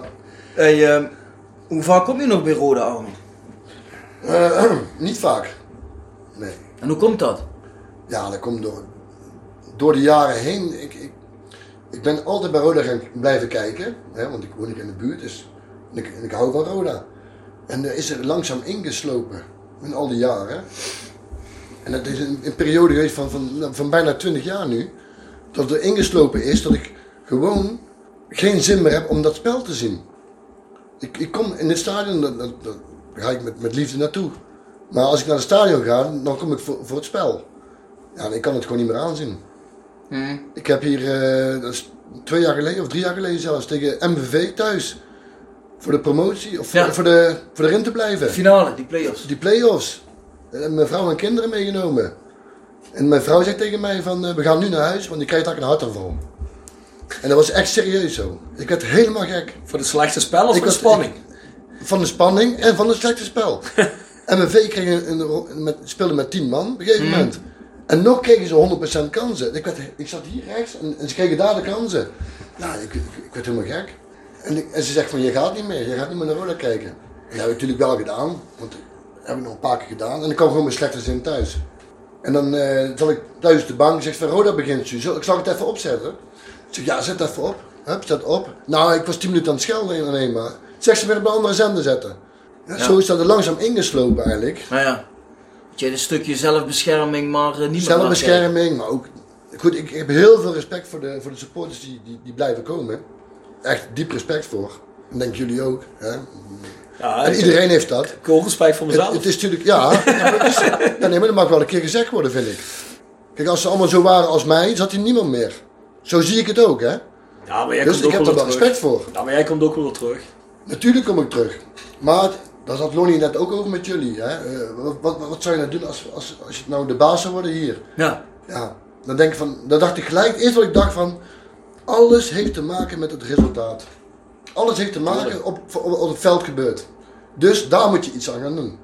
Want als dat weer goed gaat, dan komt de rest vanzelf, nou niet vanzelf, maar dan komt de rest ook. Daar ben ik eigenlijk van overtuigd. Ja, ik denk dat het resultaat, kijk, het is gewoon een, een feit. Als jij nu op bewijs van spreken achter, achter elkaar wint, dan zit er eh, Ja. twee, drie keer zoveel je- volk weer. Dat is, dat is duidelijk. Er is gewoon zoveel fout gegaan bij de vereniging op alle vlakken. Het is niet alleen het team dat slecht is, het is ook het team dat hier op de tribune zit dat slecht is. En dat heb ik niet voor de fans, maar heb ik over het klopt. bestuurlijke team. Hè. Dus, het is moeilijk. Het, maar uiteindelijk, dat klopt, dat klopt helemaal wat je zegt hoor, Mhm. daar eh, ben ik helemaal mee eens. Maar uiteindelijk, als zou het team hier niet goed zijn hè, op de tribune, maar daar wel. Ja, is nee, zeker. toch doorslaggevend. Helemaal mee eens, helemaal mee eens. Het Ja, ja. resultaat is heilig. Ja. Ja, iedereen ja, ja, maar het is ook zo. Nee, dat is ook zo. Als Iedereen wij met een glimlach als je wint natuurlijk. Als wij de laatste periode die nu begint, hè, als je nou gewoon zeven wedstrijden winnen achter elkaar, dan zit het hier weer half vol hoor. Ja, tuurlijk. Ben ben ik, ben ik van geloof ik overtuigd. ook. En dan zit deze jongen er ook. Hè, maar ik, ik zie dat niet gebeuren. Ik Oh, hoop nee. het wel, maar het zie ik niet gebeuren. Nee, dat ben ik het ook met je eens. We hebben ook een rode supporter uit eh, Palermo, Ja, Italië, Giacomo Verigi. En die, eh, die kwam vroeger ook altijd hier naar Rode kijken toen hij hier woonde. En eh, die vraagt, Arno, is Roda een sleeping giant? Of kunnen we alleen herreizen met behulp van een rijke sheik? Oei. Dat is, eh, dat is een hele goeie. Ik denk dat het allebei nodig is. Nou, rijke sheik wil ik niet zeggen, maar geld is ook nodig. Hè, dat is duidelijk. En eh, een sleeping giant, dat is absoluut zo. Want kijk maar om je heen. Kijk maar naar het stadion. Kijk maar eh, na- naar de stad. Wat, wat er leeft hier. En, eh, dat is zeker zo. Er hoeft maar dit te gebeuren. En dan, dan leeft het allemaal weer. Heb ik, zo heb ik het gevoel, hè. Maar daar is geld voor nodig. Dus die, jongen, hè, die slaat de spijker op de, op de kop twee keer. Want dat heb je allebei nodig. Ja, het is ook geen domme jongen. Nee. Hè? Giacomo. Giacomo Verigi. Ehm, geloof ik meteen. maar in hoeverre ligt daar nog een rol weggelegd voor Roda 2.0, vind je zelf? Oeh, ja, maar ja. Een hele grote rol kan dat worden. Of eigenlijk is, is ja, de rol is het nog niet, maar de plannen zijn wel heel groot. Hè, om echt weer Roda op de kaart te zetten. Maar daar zijn heel veel dingen voor nodig. Heel veel eh, financieringen, sponsors, eh, mensen. Hè, en goede mensen. We zijn er heel, heel erg mee bezig. En het is afwachten, het heeft gewoon heel veel tijd nodig. Ja, en, en mensen hebben geen geduld. Je moet allemaal snel, snel, snel. Maar snel is niet altijd goed. Eh, In het verleden hebben we met Roda meer fout gemaakt. Dat het allemaal snel, snel, snel moest. En uiteindelijk kom je een keer op de mee op koffie. Je hebt de jeugdtrein bij NAC, bij Roda. Ja. En eh, je hebt voor VVV Schaalsberg gezeten. Ja. Bij ERC, hè? Ja, ESC, ik heb bij, met KVC ben ik begonnen eigenlijk. KVC, door mijn, door mijn zoontje. En mijn zoontje voetbalde. Ja. En nou niet meer, maar die voetbalde toen en begon bij KVC. Ben ik eh, zes jaar of zo eh jeugdtraining geweest. Daarna gingen we naar Schaalberg toe. Dat de jeugdopleiding wat iets beter was, een niveau hoger. en hij was daar wel aan toe. En ik ook, andere uitdaging. Heb Ik geloof drie jaar, of drie jaar bij Schaalberg gezeten. En daarna zijn we naar, eh, terug bij KVC Oranje weer twee jaar. En toen naar eh ESC, ESC training geweest. Ja, Drie jaar, ja. En tot wanneer heb je dan getraind? Tot twee jaar geleden. Tot, Tot twee seizoenen geleden. Tot Ja. twee seizoenen geleden. Oké, oké, oké. En volgend seizoen ga ik bij uh, Chevermont beginnen. Ah ja? Bij Jan van Dijk. Dus, eh, daar heb ik inderdaad iets over gelezen als eh, assistent. Ja, Ja, klopt. ja. Ja, met Jan van Dijk samen. Jan van Dijk is een eh, hele goede vriend van mij. Daar zou je wel op verheugen, denk ik. Ja, absoluut. Ja. En ik, eh, twee jaar geleden was er al sprake van dat, dat ik daar naartoe zou gaan. En het is afgeketst. eh, door bepaalde redenen. En ik heb eh, nu anderhalf jaar, twee jaar een beetje tijd gehad om andere dingen te doen. Op, in het weekend. En dat is heel goed bevallen, maar af, je mist het gewoon. Eh, je mist die groep, je mist in de kleedkamer, je mist de trainingen, de wedstrijden. De mis ik niet. Want die, die, die zien we alweer komen. Nee, maar goed, je, je, gaat- je gaat op een gegeven moment ga je het missen. En als je dan de kans krijgt om weer terug te, te gaan op een bepaald niveau. Hè. Chipmond staat nu eh, bovenaan de eerste klas. Misschien naar de hoofdklasse. Ja, dat is hartstikke leuk. Ja. Ja, dat is ook niet het laagste niveau. Dat is natuurlijk leuk om te doen, ja. Ja, Ja, het sluit ook wel aan een beetje op het hele terrein van jeugd. Onze goede vriend eh, Charles van Druten, die eh, zegt Arno, wat heeft Roda nodig om talent uit de regio tot wasdom te laten komen? Hebben we hier te weinig talent? Of spelen er andere zaken waardoor we geen absolute toppers van eigen bodem meer hebben? daar spelen andere zaken. Want ik ben van overtuigd dat er, dat er wel talenten rondlopen hier die goed genoeg zijn voor deze club. Daar ben ik van overtuigd. En misschien ook voor topclubs. Alleen ze worden, ze worden wel eruit geplukt. Maar vaak is Roda ook te laat. Dat ze weggeplukt worden door een, eh, een- bijvoorbeeld een PSV is bijna niet te voorkomen. Daar kun je niet tegenaf. Of door een Aken. Of, of, of door een, een- misschien een Dortmund zelfs. Keulen. Hè, Düsseldorf. Dus je hebt, maar goed, dat heb je in Brabant ook. Die concurrentie met clubs. Hè, die spelers wegplukt. Maar je, je kan en moet ook spelers beter maken. En ik heb niet het gevoel of ze of de, in een jeugdopleiding of ze daar of spelers daar beter worden. En dan moeten we bepalen. Daar is gewoon, daar is gewoon geld voor nodig. Ten eerste. Geld voor, voor een betere accommodatie misschien. Of hè, en geld voor betere trainers. Betere trainers, ja, dat, die zullen ook Ja. geld kosten, denk ik. Ja. Kijk, ik, ook, ik ken heel veel mensen die kinderen hebben, die, daar hoor ik heel veel verhalen van. In de jeugd. En eh, ja, dat bevalt me gewoon niet. Dat de kinderen de verkeerde dingen geleerd krijgen. Eh, ieder- Wat, wat, ik, hoor- wat ik hoor, zeg maar, hè, is dat het alleen maar belangrijk is bij de jeugd dat een kind goed kan voetballen. En niet gekeken wordt of een kind zat te janken ondertussen als hij verloren heeft. Daar zou ik naar kijken ook. Hè? Of, of, of, of lacht als hij met vier op de kloot heeft gehad en lach in de kleedkamer uitkomt. Ja, dan kreeg hij mij een draai. Ja, goed, een draai in de oren niet, maar spreekwoordelijk. Ja, zou je dan. Want ik heb dat. Ja, ik, ik mag het eigenlijk niet zeggen, maar ik heb een rode ook meegemaakt. Hier in, in een spelerzoom, een jaar of acht geleden, kreeg ze van Feyenoord op de kloot met 4-0 thuis. Speelden we in de Eredivisie. En er komen gewoon 4, 5, 6 man lachend het spelerzoom binnen.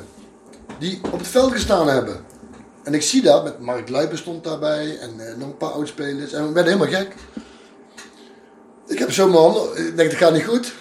Ja, ik wou zeggen, eh, dat, kan, dat kan gewoon niet bij mij. In mijn eh, opinie kan dat gewoon niet. Dan moet je gewoon doodziek van zijn als je, als je, ver- als je verliest. En als je dan hier lachen met je haartjes mooi, de, de, de speler zo binnenkomt, dan heb je geen de verkeerde mentaliteit. Dat hoor je niet bij deze club thuis. Zo denk ik erover. En daar moet, kan van tevoren over gepraat worden. Als je een speler haalt. Van hoe denk je daarover? Hoe denk je daarover? Weet je überhaupt waar Roda ligt? Weet je wat MVV en Roda met elkaar hebben? Zitten zo te kijken van MVV en Roda, wat is dat dan? Want toen MVV en Roda tegen elkaar moesten spelen, de helft van de spelers wist niet eens dat het aardsrivalen waren. Of waar MVV lag. En dat soort dingen in de bespreking, in, in de bespreking, als je een speler haalt, moet dat aangehaald worden. Wil jij Nederlands gaan leren? In drie maanden tijd. Wil je dat? Heb je dat voor over? Heb je niet voor over? Ja, wegwezen, daar is de. Volgende. Want ik vind dat je Nederlands moet praten. Dit is een Nederlandse club. Met een Nederlandse trainer. Dus jij moet Nederlands leren. Want een trainer kan niet vier besprekingen houden met, met, in vier verschillende talen. En dat is wel een, een issue, want het, is, het gebeurt nu. En dat werkt gewoon niet. Het werkt gewoon niet. Dus, hè, wat, Stevens vroeger had. En ja, dan praten we weer over vroeger. Vroeger was alles beter, je weet hoe het gaat. maar het was ook beter. Hè, want Baba Gida en Tomek Iwan, die gingen naar een klooster in Vught. En die konden binnen drie maanden Nederlands. En dat kan nu nog steeds, alleen ze doen het niet. Ja, dat vertelde Hugo ook. Dat op het moment dat hij voor die play-offs tegen MVV terugkwam, die twee wedstrijden, dat Ja, hij meteen naar ja. binnen kwam en zei, hier wordt alleen nog maar Nederlands Ja, gesproken. ja, goed, dat is bij mij erin gebrand hè, door hem. Hè. Ja. Maar dat doet hij dus nu Ja. nog steeds. Maar hij heeft, zeg eens dat hij ongelijk heeft. Ja, nou ja, nee, het Niet schept wel duidelijkheid in ieder geval voor iedereen. Kijk, als, als we misschien drie Engels praten, oké, dan doe je het hem, dan kan dat. Maar als je drie of vier verschillende talen hebt. Eentje zit zo tijdens de eerste bespreking. Want die vertalen toch geen klote van. En die andere drie na zitten ook zo. Ja, dan, dan moet je de, andere- volgende bespreking houden. En dan zeg je nooit dezelfde dingen die je in de eerste bespreking hebt gezegd. Ja. Dat, het gaat gewoon niet werken. Nou, je krijgt een hele rare dynamiek dan tijdens zo'n bespreking. Ja. Hè? Als ze zelf maar zitten luisteren. En niet eens omdat ze niet willen, maar omdat ze gewoon niet verstaan. Hè? Nee, maar als jij eh, morgen in Frankrijk gaat werken, dan wil je toch ook eh, de taal spreken om je En- en- kenbaar te maken En, en het, het ergste is nog dat het, dat het nog eh, uit, uitkomt ook. Ik, ken- ik ken Slusser, ken ik goed dat mannetje, rechtsback. We hebben met Carnaval hebben met hem gesproken. En ik zeg van, wordt er in de veldbal gepraat? Nauwelijks. Ja, alleen maar gescholden, zegt hij. Ik zeg, ja, maar dan heb ik geen kloot. Maar hoe kan dat dan? Ja, omdat dat ze elkaar niet verstaan. Dat is wat hij zei. En we leven nu in 2021. Ja, je hebt bijvoorbeeld? Antonio Cotan, die spreekt geen eh, Nederlands, maar ook geen Engels. 2020 alleen. Spaans. Dus dat is natuurlijk wel een probleem, hè? Ja. Zeker een probleem, ja. Maar, Maar, voor- kijk, maar voor de het is- rest spelen zitten er toch redelijk veel Nederlanders in deze selectie. Tim Vairine, die sprak goed Nederlands. Ja, ja. Ja, maar bedoel, dat- die ene ik speler die je opnoemt, hè, dat is maar één speler, hè? Drie maanden heb je het geleerd. Nou ja, Hè, tuurlijk, als je dat die in- moeite in- doet als je wel, het ja. intensief doet, hè? Ja, ja, tuurlijk. En, dat- en dat kan toch? Want je hebt toch tijd? Tuurlijk. hebt En, tijd en zelfs als je het niet zo intensief doet, dan kun je volgens mij zoveel oppikken dat je alles wat in het veld wordt gezegd en in de kleedkamer wel begrijpt. daar begin je mee. Daar, je begint met, met, met de voetbaltaal. Want dat is het belangrijkste voor hier. Hè, dus Ja, ja dat, dat begin, en dan leer je de rest vanzelf. dat komt wel, ja. Dat komt wel. En Als ik, je- in je rug, hè, achter je. Of, eh, maar als jij zegt bijvoorbeeld, er er wordt niet veel gepraat in het veld.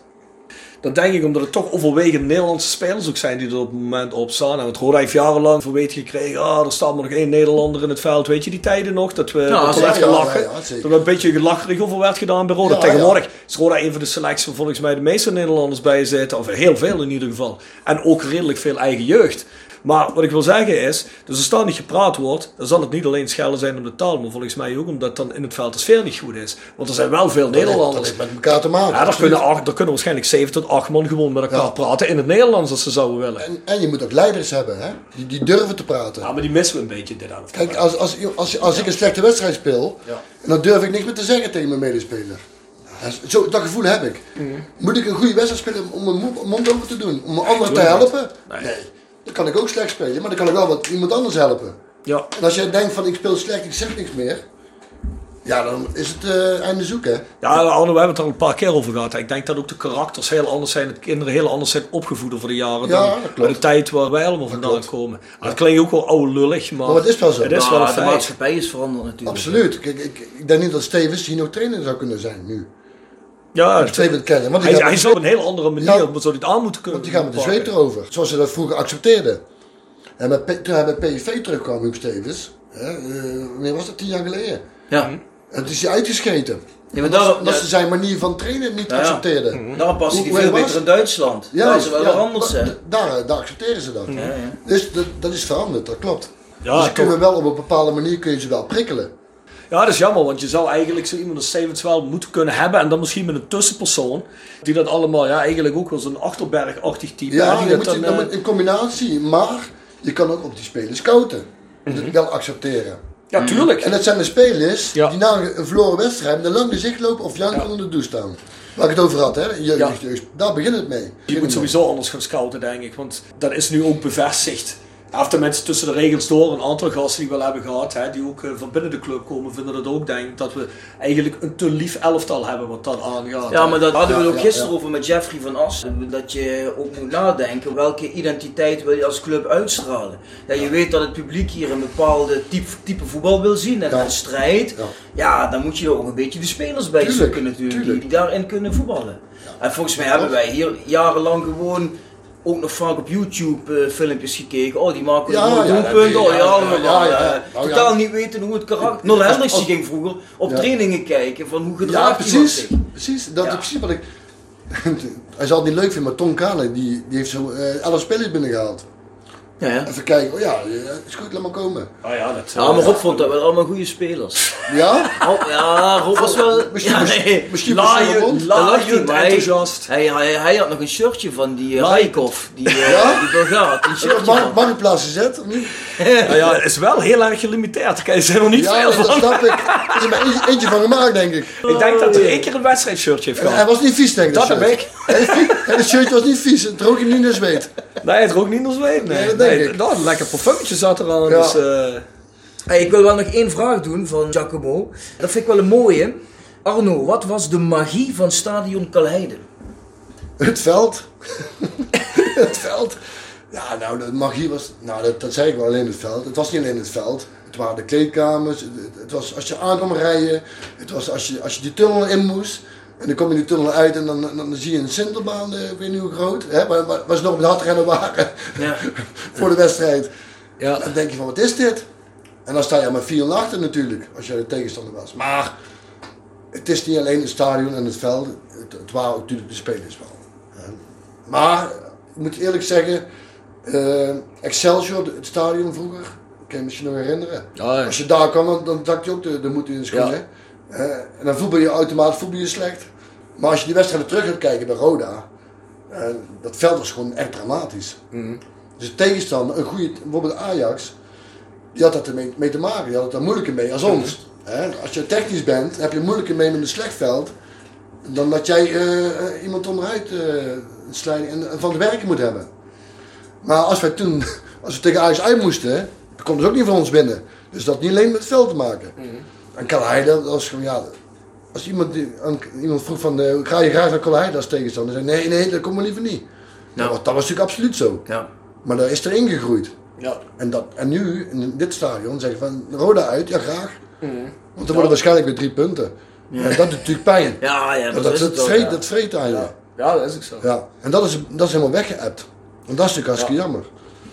Ja, want in het begin hier in het stadion viel het ook nog wel mee. hè. Ja. Dus eh, ik denk dat het bij Kaleide eigenlijk eerder zwarte magie was. Het was eigenlijk een soort anti-magie was het. Het was wel een magie van het stadion en eh, het ademde allemaal nog ouderwetse voetbalcultuur uit. Ja, en ja, natuurlijk de club waar je mee Ja, opgegroeid bent. Maar het was allemaal, het was niet mooi. Nee. Nee. Als het vol zat wel. Als het vol zat. Nee, als ik, bedoel niet de ambiance als het Oh, vol zat. Ik bedoel de Sinterbaan, ver van de Nee, ja, nee, dat was- Eh, het was- eh, het was een beetje Oostblokkig. Het deed Ja, allemaal was- een beetje voor, aan. voor een voetballer was het, was het een nachtmerriestadion. Ja, dat echt- bedoel ik. Ja. Dat bedoel ik. Het was een beetje de anti-magie. En, en dan zat je op, op die houten bankjes in, in de dugout. Hè, en nu zitten ze in godverdomme in, in, in stoelen. Ja, Hè? even die Formule Ja. 1 stoeltjes. Maar het had wel echt die voetbalcharme, hè? Ja, zeker. Eh, ja, dat was 100%. echt wel mooi. 100%. maar dat begrijp je ook alleen maar als je zelf fan bent van die club. Ja, als je ja, niet dat fan klopt. bent van die club, Ja, dan is wat een- Arno zegt, dan denk je verschrikkelijk dat je Ja, daar en dan denk ik moet. een Stronstadion. denk Ja, je, zeker. Ook voor de uitsupporters was het, was het bar en bar slecht natuurlijk. Ja, het is niet mooi dat hockey, nee. Maar dan hadden wij natuurlijk Laria, want wij, gingen, wij hielden de drie punten in huis. Ja, meestal wel. Ja, meestal wel. Ja. In, in die tijd was het gewoon, Ja. dan ging je naar het stadion. Dan dacht je alleen maar, met hoeveel zouden we vandaag gaan Ja. winnen? Dan dacht je niet van, oh, nu denk je van, oh, als we een puntje halen, dan ben ik misschien al blij. dat klopt. En toen, We als zijn- we toen gelijk spelen, ging het super chagrijnig naar Ja, ja, ja, absoluut. Ja, want wij, wij allemaal. Ja, dus... Want want eh, wij hadden afgesproken met bepaalde jongens, er waren er een stuk of 10, 12. Als we, want dan waren, we- dat is zo erin gegroeid. Wij gingen één keer naar de diligence toe, hadden we gewonnen. En dat was in het begin van het seizoen, ergens in 1994. Oh, jullie gingen maar één keer naar de diligence. Nou, nou, dat dat, was de begon, eerste dat, begon, dat, begon- dat was de eerste keer. En er zijn maar een man of twaalf daar naartoe. En dat was een fantastische avond. Na een gewonnen wedstrijd. Wij spraken af, als ze volgende week, of twee weken weer winnen, als we thuis spelen, gaan we weer met twaalf man daar naartoe. Ja, en dat, dat bleef maar doorgaan, die overwinningen. Dus als wij op het veld stonden, dat is echt serieus gebeurd hè. We moesten van Stevens binnen een kwartier moesten we 1-0 maken. Of een Achterberg. En wij wouden dat zelf ook. Hè, druk zetten op de tegenstander, aanvallen, snel mogelijk doelpunt maken. Want dan komen hun eruit en dan krijgen we nog meer ruimte. Dat was ons motto. En dat lukte ook vaak. En dan stonden we in, bij die 1-0 stonden we zo, die. Ja, serieus gebeurd. Serieus gebeurd. Ja, Mooi man. ja echt, echt schitterend. En dan stonden we s'avonds weer in de diligence. Kwamen weer om 4, 5 uur s'nachts we thuis. Ja, toen kon het nog allemaal, hè. Als je dat nu aan Joppel de verteld, dan eh, was het eindoefening geweest, denk ik. Nee, ja, het, kan, het kan gewoon niet meer. Want zodra, zodra jij... Mij kwam Wim Frusje achter de microfoon. En dan kwam wij binnen, naar die wedstrijd. En dan noemde hij al onze namen op. Barry van Galen, 100 tongslagen per minuut. En zo, kwamen, zo moesten we binnenkomen. Dus iedereen wist al dat wij natuurlijk kwamen. Ja, als je dat nu doet, dan eh, staat er wel een foto op, op, op Facebook of wat dan ook. Oh ja. Eh, Ja, ja. Dus dan is het... eh, na één minuut krijg je een appje van je trainer. Eh, kom eens naar huis. Of eh, ga de rest weg. Dus dat werkt, dat werkt niet Nee, meer. dat Jean-Paul de Jong dan eh, verdekt in een auto op de loer had gelegen voor de diligence in die tijd. Was die hele selectie man met z'n allen gegaan dan? Dat zou Paul de Jong Ja, ja, goed, wel maar kunnen wij- zeggen, hè. Wij gingen natuurlijk niet voor een wedstrijd. Altijd Nee, na dat een lijkt me wedstrijd. logisch. En, en na een wedstrijd mag je eigenlijk doen wat je wil. Kijk, of verstandig is of niet. Je, wij konden toch vaak niet slapen. Door de, die wedstrijd gaat nog drie keer door je hoofd. Adrenaline. Terwijl je- Adrenaline. je- op de bank liggen thuis had toch geen zin. Dus, en dat was natuurlijk veel leuker. Ja, ja, Tuurlijk. tuurlijk. Hè? En, en daar had de trainer er ook geen problemen mee. Maar heel eerlijk, ja, Arno, het is ook veel lekkerder als je zo'n sfeer hebt. Als je weet dat je ook een beetje vertrouwd wordt, een beetje vrij wordt gelaten. Absoluut. In zo'n super stramien zitten, werkt dat nou echt? Dat geloof ik niet Het zo. werkt juist met elkaar, met elkaar, wat te gaan doen. Ja, Want We tuurlijk. hebben daar heel veel meegemaakt in die chance. Van, van, van vreugde, van feestavond tot vechtpartijen. Dat we met, dat met tien man over elkaar heen lagen. Geloof ik meteen. Hè, En, en we gingen niet dronken naar huis. Nee. Dat hoefde niet elk, elk weekend. Oh, niet elk dat deden we weekend. de twee weken. Ik zeggen. Je moet u niet vertellen dat je dan niet Nee. beschonken van huis Nee, kwam nee, nee, nee, nee, altijd colaatje gewoon. Ja, dat bakeltje, ja. Ja. Maar eh, Arno, eh, ik las ergens dat jij een keer in een D-jeugdwedstrijd tussen Cesar en VVV Schaarsberg mishandeld bent. Ja, ja. Wat is dat dan was, voor eh, bizar dat was, verhaal? eh, Dat was dramatisch, eh, een dramatische dag voor mij.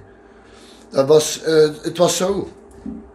Wij, wij konden toen dat seizoen, en ik praat over een D-jeugd hè, Ja, D-jeugd. Wij konden tweede worden in de competitie. En dan moesten wij die wedstrijd winnen. Maar we konden niet eens kampioen worden, want er was er eentje die nog hoger stond. En het was mijn vakantie. Dus ik ging daar naartoe met, met negen spelers. Ik had geen meer spelers. Ja, en hun moesten, eh, moesten winnen om, om erin te blijven. Anders zouden we degraderen. Maar dan kwam er aan, een heel raar sfeertje. En, en boze mensen die hem allemaal kwaad aankijken. Voor de wedstrijd al, hè? En eh, de wedstrijd begint en eh, ja, na een half uur staan we met 2-0 voor. Met 9 man tegen, tegen 11 man, hè? Die scheidsrechter floot alles tegen. Ik, op een gegeven moment gaf hij één spelletje, voor mij een rode kaart overtreding. Oké, kom er maar uit, acht spelers. Daarna nog een rode kaart, zeven spelers. Zeg, scheids, mag je me verder spelen nu? 7 tegen 11, dat gaat niet. Dat zijn regels. Oh, gewoon verder spelen. Ja, daar begon het al een beetje mee. Er komen allemaal mensen bij mij onder de koud heen. En uh, Roda, hey, rooien, schelden. Maar ik denk, hou maar rustig, weet je wel. En na de wedstrijd, die, die fluit af. Hun zijn gedegradeerd. Spelletjes liggen jankend op de grond. En ik loop naar die scheidsrechter toe en ik wil hem een hand geven. En dan pakt die trainer van, van eh, dingen, pak me zo vast. Van, eh van eh, hoe heet het? Cesar. Cesar. Die pakt me zo, hey, weg met die scheids, weg met die scheids. Maar ik kwam hem gewoon een hand geven, want ik had gewonnen. Dus geen kwaaie bedoelingen. Ik zeg, jongen, niet aankomen. Handen weg, wat dan ook. En hij pakt me weer. Ik zeg, niet doen. Ja, derde keer pakt En lag hij op de grond met een dikke neus natuurlijk. Ja, zo was ik. Hè? Ik liet me niet aankomen. En in één keer keek ik om. Komen al die ouders op me afremmen en, en, nog een hoop mensen. Dus ik zet het ook op het rennen. Dus ik liep weg en ik werd onderuit getackled en eh, schoppen. En de scheidsrechter heeft me even beschermd. Die is om me heen gaan staan, gaan fluiten. En, eh, ja, een paar schrammetjes had ik, eh, voor de rest eigenlijk niet veel. Maar een heel rare ervaring. Politie en alles erbij daarna. Dat duurde wel vrij lang, moet ik zeggen. Maar ik voelde me wel eh, bedreigd, ja. Echt bedreigd. En natuurlijk, ja, dat was natuurlijk dramatisch. En mijn zoon, die heeft het allemaal zien gebeuren. Hè? Die ouders van die spelertjes op de grond lagen te janken omdat ze gedegradeerd waren. Die waren mij achterna aan het zitten. Ik denk van ja. Maar het bleek achteraf, dus, je mag het niet zeggen, maar ik doe het toch. Fortuna supporters bedankt. Ja, nee, dat kan ik me ja, voorstellen. ja. Cesar is een beek, hè. Dus, Ja, eh, dat was eh, achteraf. hè, Dat dacht ik al meteen weken- toen je het zei. Weken later, eh, de vrienden van mij hebben, die waren natuurlijk helemaal eh, ja, over de boot al. Die, die wouden, daar naartoe met, met 100 man. De rode supporters wouden daar naartoe. De, bo- de boel kon er klein staan. Dat heb ik allemaal proberen rustig te houden. Maar die hebben dat wel uitgezocht. En er bleken zeker 20 Fortuna supporters ge- geweest te zijn. Wat dan men ook daar waren. Dus één, één ouder van eh, een kind was Fortuna supporter en die heeft een hoop supporters meegenomen daar. Van Dominic komt van Roda, weet je wel, we kunnen degraderen. Ja, toen is het uit de hand gelopen. Ah ja, dat verklaart een. Zo is, zo is het eigenlijk gegaan. Dat zijn wel helden dan, hè. Ja, ja, fantastisch. Ja, niet normaal. Hey, maar je zei al in het begin, hè, je bent uit het bos. Ja, je bent hier blijven hangen. Ja, Dus het bevalt goed. Je Heel hebt je goed. wortel geslagen. ja ik heb een roet hier nou, hè. Ja, Nee, maar goed, eh, als je zo lang bij een club voetbalt, dan, eh, en dan wou, we wouden een huis kopen en toen zijn we een huis gaan bouwen, eigen grond gekocht en eh, we waren inmiddels getrouwd, voetbal, voetbal nog bij Rode we getrouwd. Eh, het eerste kind eh, die was er al, en toen ging ik naar NAC toe, ben ik op en neer gaan rijden. Dus, en vrienden hier eh, natuurlijk, ook heel veel supporters waar ik met vrienden mee ben. Dus wat is de reden dat ik weg zou moeten? Is dat ik naar mijn familie weer terug in een bos zou gaan wonen. en vrienden. Maar die kwamen ook regelmatig hierheen. Ik ging naar een bos toe. Zo ver, is, zo ver ook, is het allemaal niet. Nee, zeker Hè? niet. Drie kwartier, dan was je er. Oh, nee. Soms wel. hebt wel een hele snelle Kan- auto. kan Ja, ook niet ja, meer. nou. Kan nou niet meer. Nee, maar een uur, kwartier, dan je, Uur, kwartier, was ik ja. daar. Dus dat was het probleem. Dus ik ben lekker hier gebleven. En daar heb ik nog steeds geen spijt van. Ja, mooi man. Kan nog komen, maar voorlopig niet. Ja, mooi. Mooi, Ja, ik mooi, hoop dat we mooi. Arno in de toekomst weer wat vaker bij Roda gaan zien dan. Ja, nou, het is wel mijn droom. Het is een, een droom dat ik hier eh, rond zou kunnen gaan lopen. Dat is een droom voor mij. Omdat ik gewoon dit niet meer aan kan zien. Wat er hier allemaal gebeurt. En wat ik net allemaal opgenoemd heb, dan... Goed, er zijn meerdere mensen met mij eens, hè, die ook in 2.0 zitten. We liggen allemaal op één lijn. Dat is precies wat, wat er gaat, moet gaan gebeuren in de jeugd tot aan de eerste elftal speler. En dat proberen we rond te krijgen. Daar hebben we ook heel veel eh, tegenslag in. En tegenwerking. Ongelooflijk, maar het is wel zo. Nou ja, ik vind het ook bizar dat er niet meer gebruik wordt gemaakt. Kijk, waar precies iedereen ingezet moet worden, dat kan ik niet bepalen. Daar heb ik niet veel kijk op. Maar ik blijf het raar vinden dat er zo weinig gewerkt wordt met oudspelers. Zeker als je weet dat het eh, spelers zijn die de hele tijd in de top van het Nederlandse voetbal en heel veel Europese ervaring hebben. Dat is ook raar. Het is, Het het zijn is, mensen met heel veel het voetbalervaring. is, hè? het is heel vreemd. Ja. Het is heel, en het is natuurlijk nog vreemder als een speler ja, hier opgegroeid is, in principe, hè? Gerry Zende. En die wordt gewoon de laan uitgezet. Dat is voor mij, was echt voor mij het punt van, ik ben echt klaar met Roda. Was ik echt zo kwaad om. Hè, die jongen, die hart en nieren Rode JC. Die zetten ze de deur uit omdat ze gedegradeerd zijn en dat ze geld moeten besparen. Dit slaat helemaal nergens op. En dat heeft voor mij heel veel mensen, heel veel sponsoren de deur dicht gedaan. Hè? Dat Gerry Zende dat, dat hij de laan gestuurd werd. En dat kan gewoon niet. En wie, wie doet dat? Ja, mensen die hoge hand hebben. En die nu waarschijnlijk weer weg zijn. Ja, er is geen rode draad. Er is geen rode draad. Iedereen doet maar wat. En dan word je, stuur je een mailtje en de volgende week zit er iemand achter, achter, achter de computer en die leest dat mailtje niet. Zo gaat het op dit moment. En dat, dat kan gewoon niet. En wat Lonnie net ook al zei, van er moet, moet meer gedaan worden. Ja, wat, wat is nou, ik zie geen één speler van, van, van het eerste zie ik in het openbaar. Of spelers. Of in een winkelcentrum, of in op, een op een voetbalveld. Op een woensdag. Eh, ga een training geven aan KVC Oranje. Met twee man. Twee spelers van het eerste. Verplicht training geven, daar. En met begeleider. En de volgende week pakken die twee spelers naar een andere club. Ja, goed. En zo moet je daarmee omgaan. Ja. Want wat, wat, wat, Een beetje goed wil kweken, hè? Tuurlijk. Wat, Ja. wat doen ze hier? Eén, twee keer trainen. Oké, dan ben je moe. Ik heb het zelf ook meegemaakt. Maar wij gingen vroeger wel op pad. Hè, wij gingen wel naar scholen toe. En, en, en naar, naar amateurclubs. Een wedstrijdje spelen. Of een training. Ja. Alleen bij een training kijken. En niet eens geven, maar kijken. En die spelers die gaan tien keer harder lopen.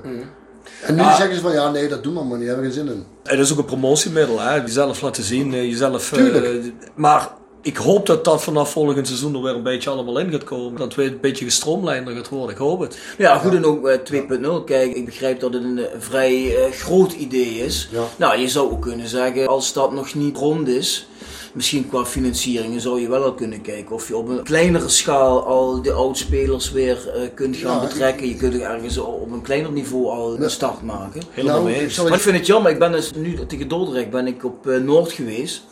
Ja, en ik denk dan altijd van, het zou toch mooi zijn als hier gewoon zijn Hanze, Dominik, Trost, dat soort jongens rond zouden lopen. Dat je als sponsor daar ook eens een keertje een verhaaltje mee kunt We vertellen. hebben, we hebben, ik geloof je niet, we hebben het voorgesteld. En weet je wat ze zeiden? Moet, ja, wat moeten jullie daarvoor hebben dan? Zeg, we hoeven daar niks voor te hebben. En dat praat ik over, over tien jaar geleden. Hè? Ik zeg, dan bel me maar, ik hoor het wel. Nou, ik moet nog steeds gebeld worden. Geloof je niet, maar het is echt gebeurd. Ja, dat is ongelooflijk eigenlijk. Ja, nee, maar ik denk inderdaad dat men vaak het idee heeft dat daar geld mee gemoeid is. Maar Het ja, is- dat hoeft wij, komen, wij komen hier graag en ik praat graag met supporters of voor de wedstrijd of zo. Ik, en dan keken ze echt zo, je- hoeft, er niks voor? Nee, hoeft er niks voor. Dan kunnen we gelijk de wedstrijd kijken, is ook leuk. Ja, en dan hoor je er helemaal niks meer van. Ja, Ja, dat, zeg dat het. is natuurlijk niet leuk. Geef gewoon, weet ik veel. Als er geen geld is, eh, kun je toch altijd op tafel gaan zitten. Je kunt altijd kijken wat je kunt doen, weet je wel. Nee, maar ik wil wel zeggen, je kunt, zoals jij bent de zoveelste die dat zegt. Je kunt toch gewoon met elkaar gaan zeggen, nou, hoe kunnen we dat dan doen? Wat zijn jullie bereid te doen? Waar hebben jullie zin in? Hoe kunnen we jullie inzetten? En nou, als jij zegt, ik hoef er niet per se geld voor te hebben. Nou, Nee, joh, dan, dat- dan zeg je gewoon, nou, dan zou het cool zijn als je vrijdagavond hier om 6 uur bent. Dat is niet zo raar? Ja, nee, ja, precies. Dat, dat, dat had ik dan ook verwacht, hè. Maar dan, Ja. ze nog de Eredivisie, hè. Ja, Maar toen hoefde het allemaal niet zo, want het, het, het liep wel. Maar nee, dat is wel belangrijk. ja. Nee, maar dat is wat Bjorn zegt. Als misschien dat 2.0 misschien nog niet helemaal geïmplementeerd kan worden. Misschien dat je wel een gedeelte eruit kunt halen en zo kunt gaan gebruiken. Ja, absoluut. Ja, dat lijkt me toch wel... Kijk, eh, het is een heel groot plan wat, wat, wat er is op tafel ligt. Mhm. Of het allemaal uitgevoerd, wat jij zegt, allemaal uitgevoerd kan, kan worden, dat is natuurlijk de vraag. Maar bepaalde eh, aspecten kunnen we wel al mee beginnen. Maar daar moet wel toestemming voor zijn. Mhm. Kijk, als ik hier eh, morgen, morgen voor kom, ik ga, ik, ga de jeugd beginnen en ga dat aanpakken. Maar nee, dat gaat niet gebeuren. Dat gaat gebeuren. Zeg, zo ver zijn we nog niet. Mhm. En dan moet wel eerst rond. Je moet eerst dat, dat je toestemming krijgt om wat te, wat te gaan doen. Tuurlijk, tuurlijk, tuurlijk. En dat hoeft- is niet altijd met, met geld te maken. Hè? Dat is gewoon, gewoon mensen gaan zeggen wat ze moeten doen. En de mensen die er niet in mee willen op die trein, hè, zo zijn Steven Steven dat vroeger. Je hebt, je hebt een, een trein of een boot. Nee, een trein. Een trein. We zitten met z'n allen in. Teken je op het bord, hè? Een trein. Dus alle spelers, heel eh, de staf, eh, Kitty die kookte, zullen allemaal op de trein. En die gaat een trein gaat rijden, zegt hij dit seizoen. En degene die, die niet wil, die- springen uit die trein. En op het laatst, dan blijft die trein over met paar mensen erin die wel willen.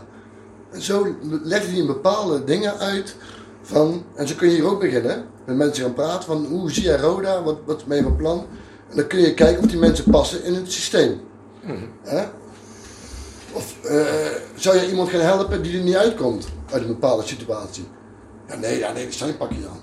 Moet elkaar helpen, ook hier op kantoor. Ja, zeker. Daar begint het mee. En niet achter elkaars ru- ruggen eh, elkaar zwart proberen te maken. Heb je niks aan. Bereik je helemaal niks mee.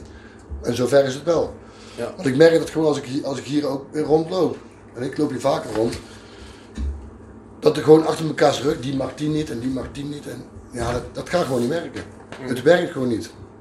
Ja, het is geen En er kunnen maar één of twee zijn een keer. Dat je iets van elkaar hebben, dan praat je dat uit. Maar het is bijna iedereen. Nou ja, goed, het zal waarschijnlijk ook over de jaren zo gekweekt zijn. Absoluut. En dan zul je vanaf moeten, dat klopt. Dat functioneert nergens op een werkvloer, dat is zo. Heb je Nee, nee, nee. En dat is heel- natuurlijk heel moeilijk. Hoe, hoe ga je dat doen? Je kan niet zeggen, iedereen zegt van, ja, iedereen eruit.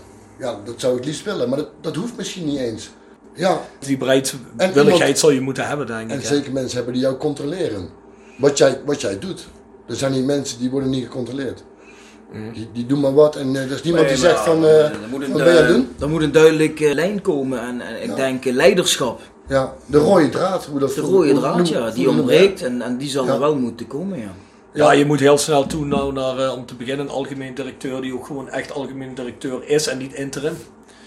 Ja, daar moet je gewoon heen en dat wordt vaak onderschat. Dat is iemand die al die lijntjes moet uitzetten en die rode draad moet uitstippelen en Ja. eh, die moet bewaken. En dat is niet een gemakkelijk iets bij deze club. Nee, dat is, heel, dat is een heel moeilijk iets. Ja. Tenzij, tenzij iedereen op één lijn ligt. Ja. Met hetzelfde doel. Hè? Zoals, wij hier zitten te praten, zijn we het best wel met elkaar eens volgens mij. En als die Vermoed dat ook doen hè, en daarmee beginnen, dan heb je al wat. En Jeff van As, ja, die, die ken ik ook heel goed. Die heb ik samen mee gevoetbald Mhm. bij NAC. Dat is ook zo'n type die, die er zo over denkt. Mhm. Dat weet ik zeker. Alleen je moet dan mensen hebben die daar met jou mee willen. En niet die zeggen van ja, daar wil ik wel mee. En achter je rug blijkt dat niet mee willen. Maar daar moet je voor uitkijken.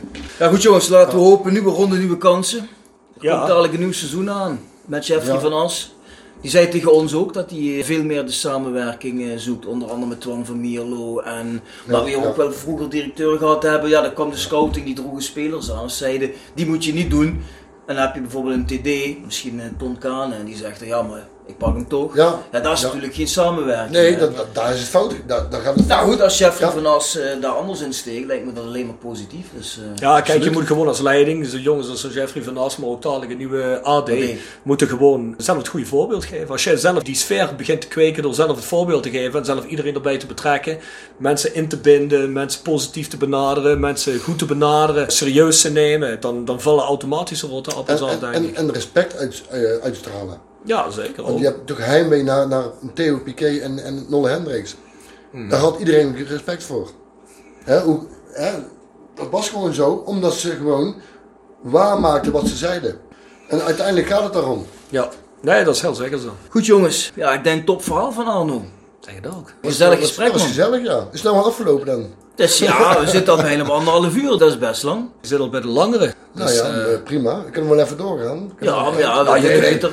nee, maar je Dat kunt, be- je beter maar een keer de tijd, de terugkomen. tijd gaat snel. En, eh, kunt beter een we keer hebben zoveel te terugkomen, vertellen, dus eh, Jij komt gewoon nog een keer terug. ja, prima. Arne Dominic 2.0. Het gaat ervan komen, dat voel ik aankomen. Ik hoop het ook. Misschien moeten we hem een keer samen met Maurice Graaf hier zijn. Kijk, jij zei straks, ik hoop ook met die periode. En ik- maar ik denk het niet. En ik zeg, ik hoop het ook met 2.0, maar ik denk het ook. Kijk, dat is nog beter. dat is, is dat is nog beter dat. Ja. Dat vind ik veel beter, ja. Hey, mooi man. Ja, Arno bedankt. Ja, graag gedaan. Graag gedaan. Was hartstikke leuk. En dan eh, we houden contact. Als we hem, eh Rob gaat het allemaal editen. Die steekt Ja. er heel veel werk in. Mooi muziekje Ja, ervoor, muziekje erna. Dan, eh, als hij klaar is, dan eh appen we hem je door. Ja. Zal ik wel een paar weken duren voordat hij online komt, denk ik. Hè? Ja, dat duurt nog wel een Week of drie. ja, week of drie. Oh ja, maar dat maakt ook niks uit. Maakt niet uit, toch? Nee, Nee, zeker dat maakt niet. uit. Het komt allemaal goed. Je hebt een goed verhaal met veel anekdotes. Dat Ja, is tijdloos. Dus. Oh, ik heb er nog wel een hele hoop, maar... eh, ja, ja, die komen dat nog we voor wel. de volgende keer. Onthoud die maar voor de volgende Ja, keer. ja, ja. En er komen ook weer nieuwe bij, hè? Voor de nieuwe generatie hier in het stadion. Hou dat vast. Ja. Dan doen wij nu nog even een rondje sponsoren. Next door Kapsalon Nagel en Beauty Salon aan de Locht 44A8 in Kerkrade. Jegers, advocaten, Ruis de Beer, Broeklaan en Heerlen. Hart voor weinig. Ik heb gehoord, nooit chagrijnig. Ja, ja, je hebt meegemaakt bedoel je. Ah, ja. Oké, hotelrestaurant Veilerhof. Her, waarom heb je hier nog altijd hotel, restaurant? Maak er gewoon herberg de bananen. dat had ik op één, maar ja, geen idee. Dat heb ik op de een of andere manier... eh, Herberg de bananensoeven. GSM, Kom je, ook, kom je ook wel eens zo aan? Jazeker, en Marco, ja, ja, absoluut. Kijk. Ja, GSM Music, www.gsmmusic.com voor het hardere muzieksegment. Rapi autodemontage aan de Log 70 in Kerkrade. Internetgroep Limburg slash iPhone reparatie Limburg op Wouderpad 7 te Beek voor al je webdesign. Stok grondverzet van onze goede vriend Leon Stok. te Simpelveld. Dan hebben we Willeweber Keukens in de Boebegraaf 1 te Schinveld. Dat is keukendesign voor elke beurs. Van Ooije Glashandel sinds 1937. Kwaliteitsglaszetten en reparatie met een dag- en nachtservice. Hebben we onze laatste sponsor, dat is Quick Consulting. Eh, Change management door empowerment van je medewerkers. Ja, nogmaals, hè, we hebben twee tickets weg te geven. Die kun je winnen voor de wedstrijd Roda Jong PSV. Nou, mocht je die niet winnen, dan ga je naar rodec.nl slash ticketing. Dan kun je kaartjes kopen op de website. 2,50 goedkoper als je ze aan de deur koopt. Trouwens, die kaartjes, ik bedenk me net, die kunnen mensen winnen als ze weten wat die schopwedstrijd was in Europa Cup. Wat vind je daarvan, Bjorn? Lijkt me een goeie. Ja. Dan mag je dat goeie, insturen absoluut. naar thevoiceofcalais at south16.com. Mocht je nog zo'n mooi South 16 shirtje willen, dan ga je naar. Shop.south16.com Duidelijk. Nou, dat was hem weer, Bjorn. Bedankt voor het luisteren mensen. Bedankt voor het luisteren.